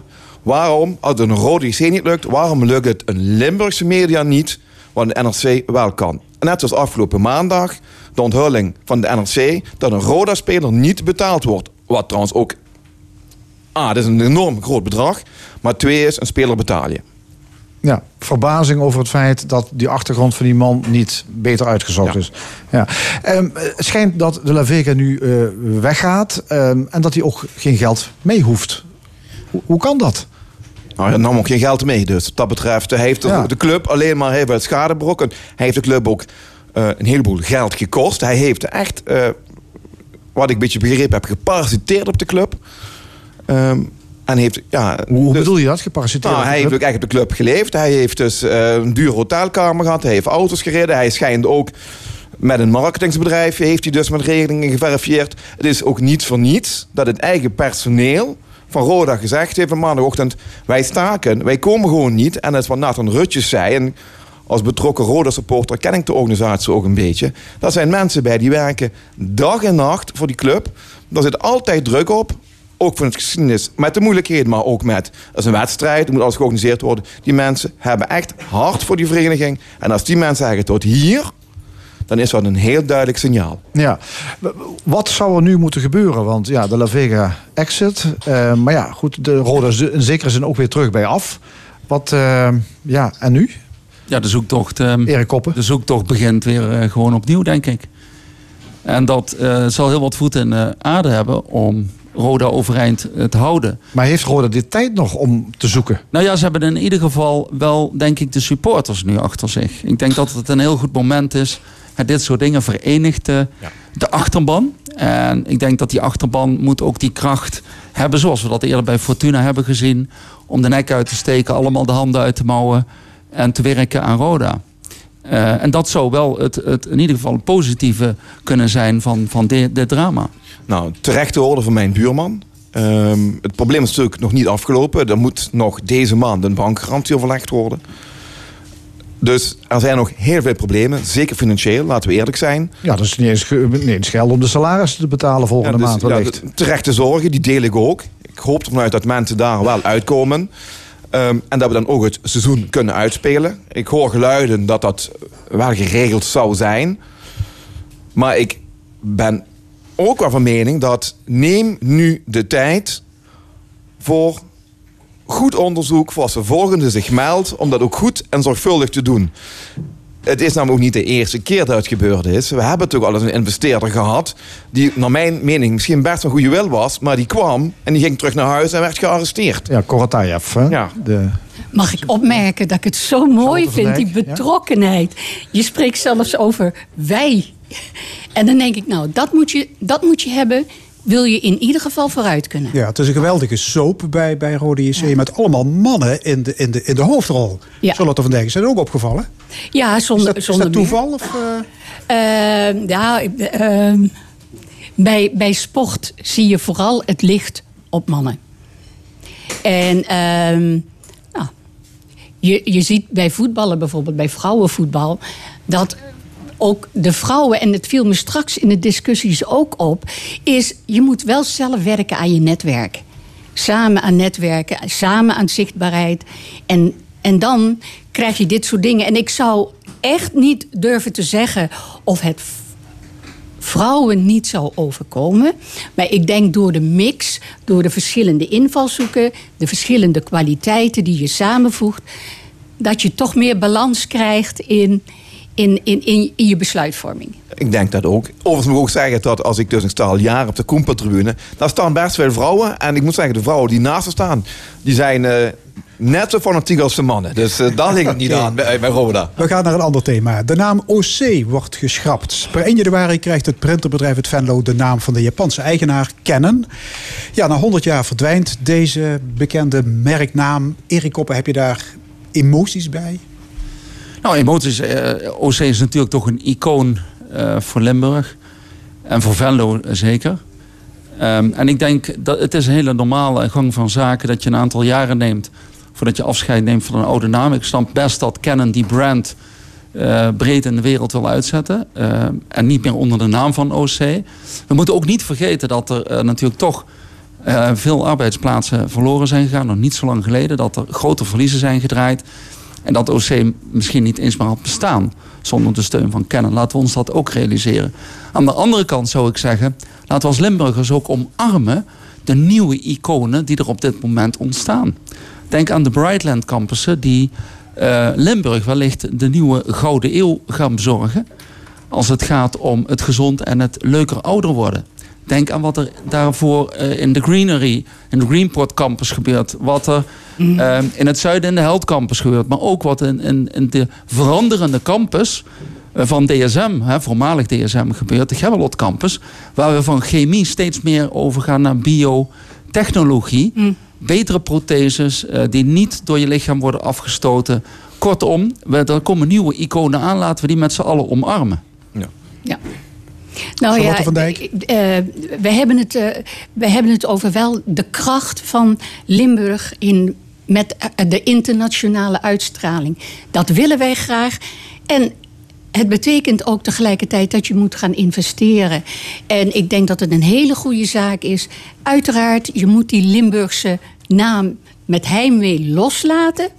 Maar ik denk, je moet ervoor gaan. En die internationale aantrekkingskracht moet je beetpakken. Maar er zijn natuurlijk heel veel merknamen verdwenen. Hè? Nee, dat- Frans Maas, Nuon, Orbis, eh, AZM, de Postbank. Niks blijft hetzelfde. Dingen, dingen veranderen. En ik moet zeggen, gisteravond had ik dan toevallig vrienden op bezoek. En ik zei, ik zit morgen bij de stemming. En er komt onder andere dit onderwerp te sprake. En ik weet dat die vriend van mij, die heeft daar dus heel lang gewerkt. En hij zei, ik heb er nog gewerkt. Toen heette hij nog OC van der Ginten. Dus die naam is ook alles veranderd in het verleden. En is vooral ook aan de mensen van Venlo ook, als die naam... En het hoort bij Venlo om te koesteren en het ook uit te dragen. Als trots van hun stad. Ja, Erik, je zei OC is al jaren dat kwakkelen. Maakt, maakt miljoenen verlies. Er wordt stevig gereorganiseerd. Eh enig idee hoe het verder moet met OC? Nou ja, ik denk dat de OC eh, onder de vleugels van Canon eh, een veel solidere basis heeft dan dat het alleen moest voortbestaan. En het is nu. Ja, maar het feit dat eigenaar Kennen nu die merknaam OC opdoekt. Wat, wat duidt dat op? Is dat misschien het begin van het einde? Nou, begin van het einde. Het, het zou nog wel meer arbeidsplaatsen in de toekomst kunnen kosten. Maar het hoeft niet noodzakelijk. De bedoeling is om juist alle producten van het huidige OC nog beter in de markt te zetten dan voorheen. Canon is inmiddels een veel grotere naam wereldwijd dan OC. Maar toch, de, de mm, bezuinigingen treffen vooral de research-afdeling, research and development. Zegt dat niet iets? Want dan knijp je toch eigenlijk het bedrijf af? Nou, dat, dat, dat, zegt wel iets. Kijk, eh, de, de tegengestelde beweging is ook waar. En daar ligt misschien nog wel de taak voor de provincie Limburg. Die dat geweldig heeft gedaan eh, als het gaat om Medtronic. Medtronic, die natuurlijk wel hier bepaalde roots had. Maar die inmiddels door het gunstige klimaat in Limburg alle research van de hele, over de hele wereld aan terughalen is. Wat allemaal voorheen naar de voormalige Oostbloklanden is gegaan, komt weer allemaal terug naar Limburg. En ik denk dat als er iemand een rol, een positieve rol in zou kunnen spelen. Want voor research heb je opleidingen nodig. Je hebt onderzoeksprogramma's nodig enzovoorts. eh, dan, dan is dat wel de provincie Limburg. Dat betekent dus dat je eigenlijk gewoon die, weer die tegenwaartse beweging krijgt. Ja. Dat, eh, dat je wel moet investeren, dat je op een gegeven ogenblik verliest, maar dat het wel weer terugkomt en dat het een betere, stevige plek in Limburg krijgt, mits er geïnvesteerd wordt. Ja. Maar ja, zal iemand op het hoofdkantoor in Tokio eh, zich iets gelegen laten liggen aan een provincie Limburg die zegt: haal research en development terug naar, eh, naar Venlo? Nou, zeker, zeker. Dat hangt van de faciliteit af. Als je ziet er wereldwijd op dit moment hoe populair die Brightland campussen aan het worden zijn, omdat ze beschikken over de allernieuwste faciliteiten die er wereldwijd gewoon niet zijn. Denk gewoon aan Maastricht, aan. aan, aan eh, Een heerlijk. ja, maar het, het scanningscentrum wat wij hier hebben, dat is uniek voor de hele wereld. Er is geen tweede te vinden. Het is niet voor niks dat hele grote programma's als de Maastricht-studie met 20.000 mensen op die faciliteiten, eh, dat daar gebruik van wordt gemaakt. En ze moeten vanuit Tokio maar een goede speler bij VVV neerzetten. Ja, ja, nou ja. Hè? Ja. We hebben een goede Japaner gehad, hè? Dus, Ja, zeker. Ja, ja oké. Mooi, mooi bruggetje, want we gaan naar eh, de Chinees. Eh, we, we eten minder babi pangong, fuyong hai, nasi rammers. Het aantal Chinees-Indische restaurants in Limburg is de afgelopen tien jaar met een derde gedaald. Eh, begrijpen jullie waarom Limburgers minder zin hebben in de Chinees? Charlotte van Dijk? Ja, Ehm, ik moet zeggen, mijn gang naar de Chinees is ook stukken minder geworden. Maar als je kijkt, eh wij zijn allemaal verwend. We willen allemaal het fijne en de, de nog betere smaak. En ehm, de laatste keer dat ik naar de Chinees ging, eh, smaakte alles hetzelfde. En ehm, dus dat kan ik begrijpen. Eh, maar vooral gaat het erom dat wij met z'n allen denken wij. Dat is een restaurant, die kennen we nog. Die heeft nog niet. Die heeft een speciale smaak. Maar ik ken ook Chinezen, en daar ga ik echt voor, die zijn een cuisine. En eh, ja, daar moet je in investeren. Ja, je moet niet denken dat je, dat je gewoon op de oude matrix verder kan gaan. Die doorsnee Chinees die op de hoek van de straat zit, dat is het die niet meer. gaat het niet meer redden. Nee? De, de heren hier aan tafel? Nou goed, ik, het is natuurlijk ook zo dat eh, in, on- in al onze eigen keukens, zeggen, het patroon ook eh, veel meer verbreed wordt. Wij eten ook niet alleen maar stampot, wij koken ook steeds internationaler. En dat zie je ook in de buitenwacht. Ik zie het inderdaad bij ons thuis ook. Eh, wij gaan ook makkelijk, als we iets keer halen van de Indiaanse en van de toko en noem maar op. Dus het variatie is breder. ehm, en dat zal de Chinees ook merken. Ik moet wel zeggen dat ik enigszins verbaasd was toen ik las, omdat de Chinees waar wij van oudsher al naartoe gaan, die is er nog gewoon nog steeds. Dus in mijn opinie heb ik het ook helemaal gemist toen ik het las. Deze. Jouw opinie gebeurt er, verandert er niks in de wereld. Precies. Ja, gelukkig soms. Gelukkig. En je hebt Roda en en de Chinees, zeg maar. eh. Erik Koppen? Nou ja, ik denk, kijk, we moeten er ons niet al te veel zorgen over maken. Punt 1, de Chinezen passen zich gewoon razendsnel aan. Kun je zeggen wat je wil. Eh, je ziet tegenwoordig eh, een duidelijke groei van Chinezen die de cafetaria's in Nederland overnemen, van Nederlanders. Die op de een of andere manier het niet meer met het gezin kunnen bolwerken. Of in ieder geval niet tegen die prijzen kunnen concurreren.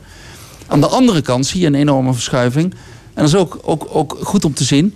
Is all you can eat. Denk eens aan alles wat er uit de grond is gestampt de afgelopen jaren. Ja, die, die, die wokrestaurants waar je kunt en eten tot je er geen neervalt. Japa- Dat Ja. zijn geen Japanners, dat zijn bijna allemaal Chinezen... Ja. die gewoon de bakens hier verzet hebben. En wat je dus krijgt, en dat is helemaal positief...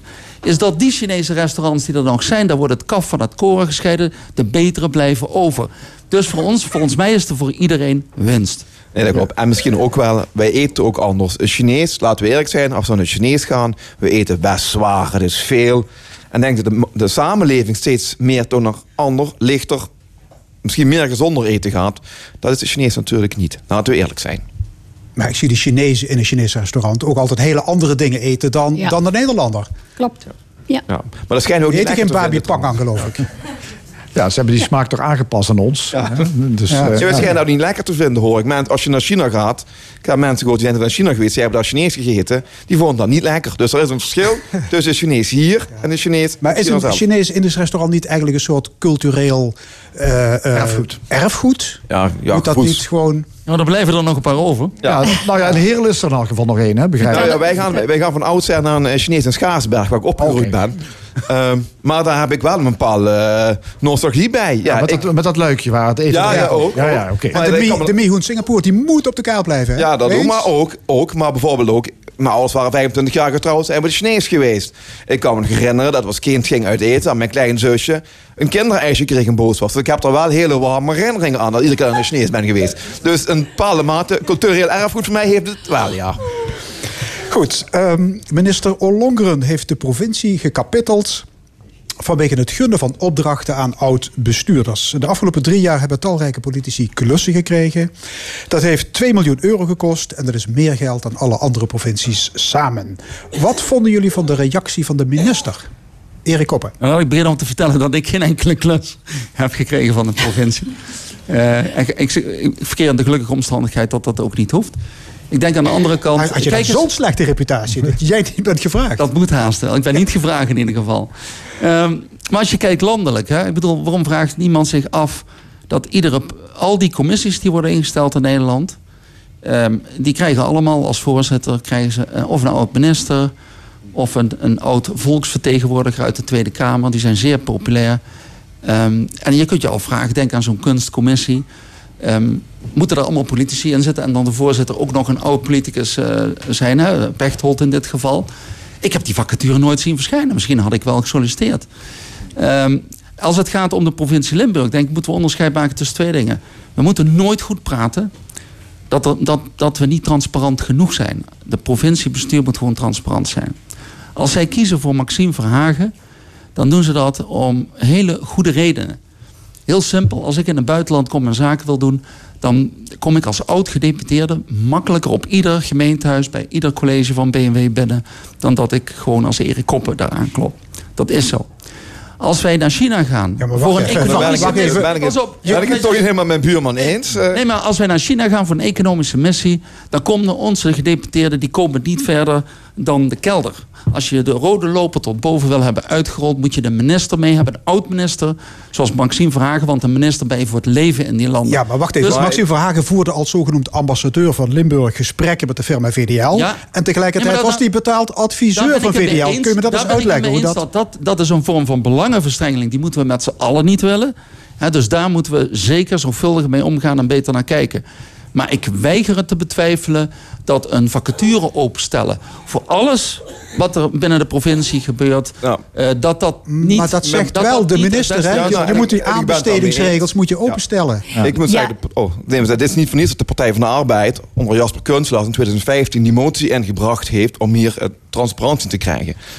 En eh, ik hoor jouw verhaal en denk, klinkt natuurlijk wel heel erg goed. We zijn buurman geweest vroeger. We hebben in hetzelfde gebouw naast elkaar ongeveer gewerkt. Dus ik weet hoe je inzet voor provincie geweest is. Ik weet wat je kunt. Maar ik ben wel van mening dat als er een vacature komt... dan heb jij eerlijk kans om te solliciteren. En dan is ook de meneer Verhagen, die net genoemd wordt, die mag ook solliciteren. En als die dan beter dan meneer Koppen, dan krijgt die de baan. Dan is dat gedoe ook voorbij. Dus in alle eerlijkheid, ik zie het verschil niet tussen gewoon een vacature op te zetten waar mensen op kunnen solliciteren. Dat zegt ook de minister. Hè? Vraag meerdere offertes om belangenverstrengeling te voorkomen. Ja, ik wou net zeggen, we hebben, het over transparantie, we hebben het over vertrouwen. De burgers verwachten, willen vertrouwen stellen in, in, in, in, in bestuurders. Maar als ze elke keer eh, eh, dezelfde gezichten naar voren zien komen. En ik ben het helemaal met je eens hoor, dat eh, Maxime Verhagen waarschijnlijk. Eh, meer indruk maakt dan als ik op die functie zou solliciteren in China. Zonder meer. Tegelijkertijd denk ik dat er heel veel andere capa- capabele mensen zijn, mannen en vrouwen, die net zozeer in de race kunnen zijn als het maar opengesteld wordt en als het maar transparant is. En dan kan de afweging zijn van dat meneer Verhagen een breder netwerk heeft, wat voor die functie gevraagd is. Dus nemen we meneer Verhagen. Dat is ook niet ten nadele van meneer Verhagen, maar dat is wel eerlijker naar diegene die misschien ook interesse had gehad. Ja, zonder meer. Ja, en, en- en misschien ter aanvulling. En wat ik zeker zou doen als ik provincie Limburg was en veel naar het buitenland ga om daar eh, contacten aan te knopen. Wat je vroeger zag, en ga maar terug naar de middeleeuwen, is dat je altijd iets van je eigen cultuur, iets van je kunst meenam. En dan denk ik, ja, waarom niet meer combineren met al die talentvolle muzici die we hebben, die ook grote bekendheid hebben tot over de grens. Denk aan Rieu eh, hier. Maar er zijn nog eh, vele andere eh Eh, die bekendheid hebben in bepaalde landen. Neem die mensen mee. Als een, ook als, als een vorm van een ambassadeur.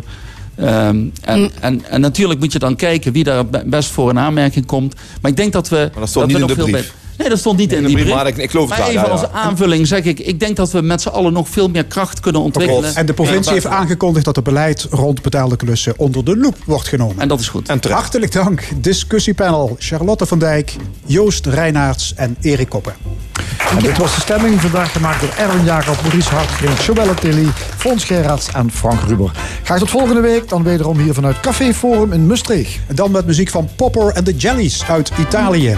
Dit programma wordt herhaald maandagavond om 8 uur. Het is ook terug te luisteren op onze site l1.nl en via podcast. Nog een mooie zondag.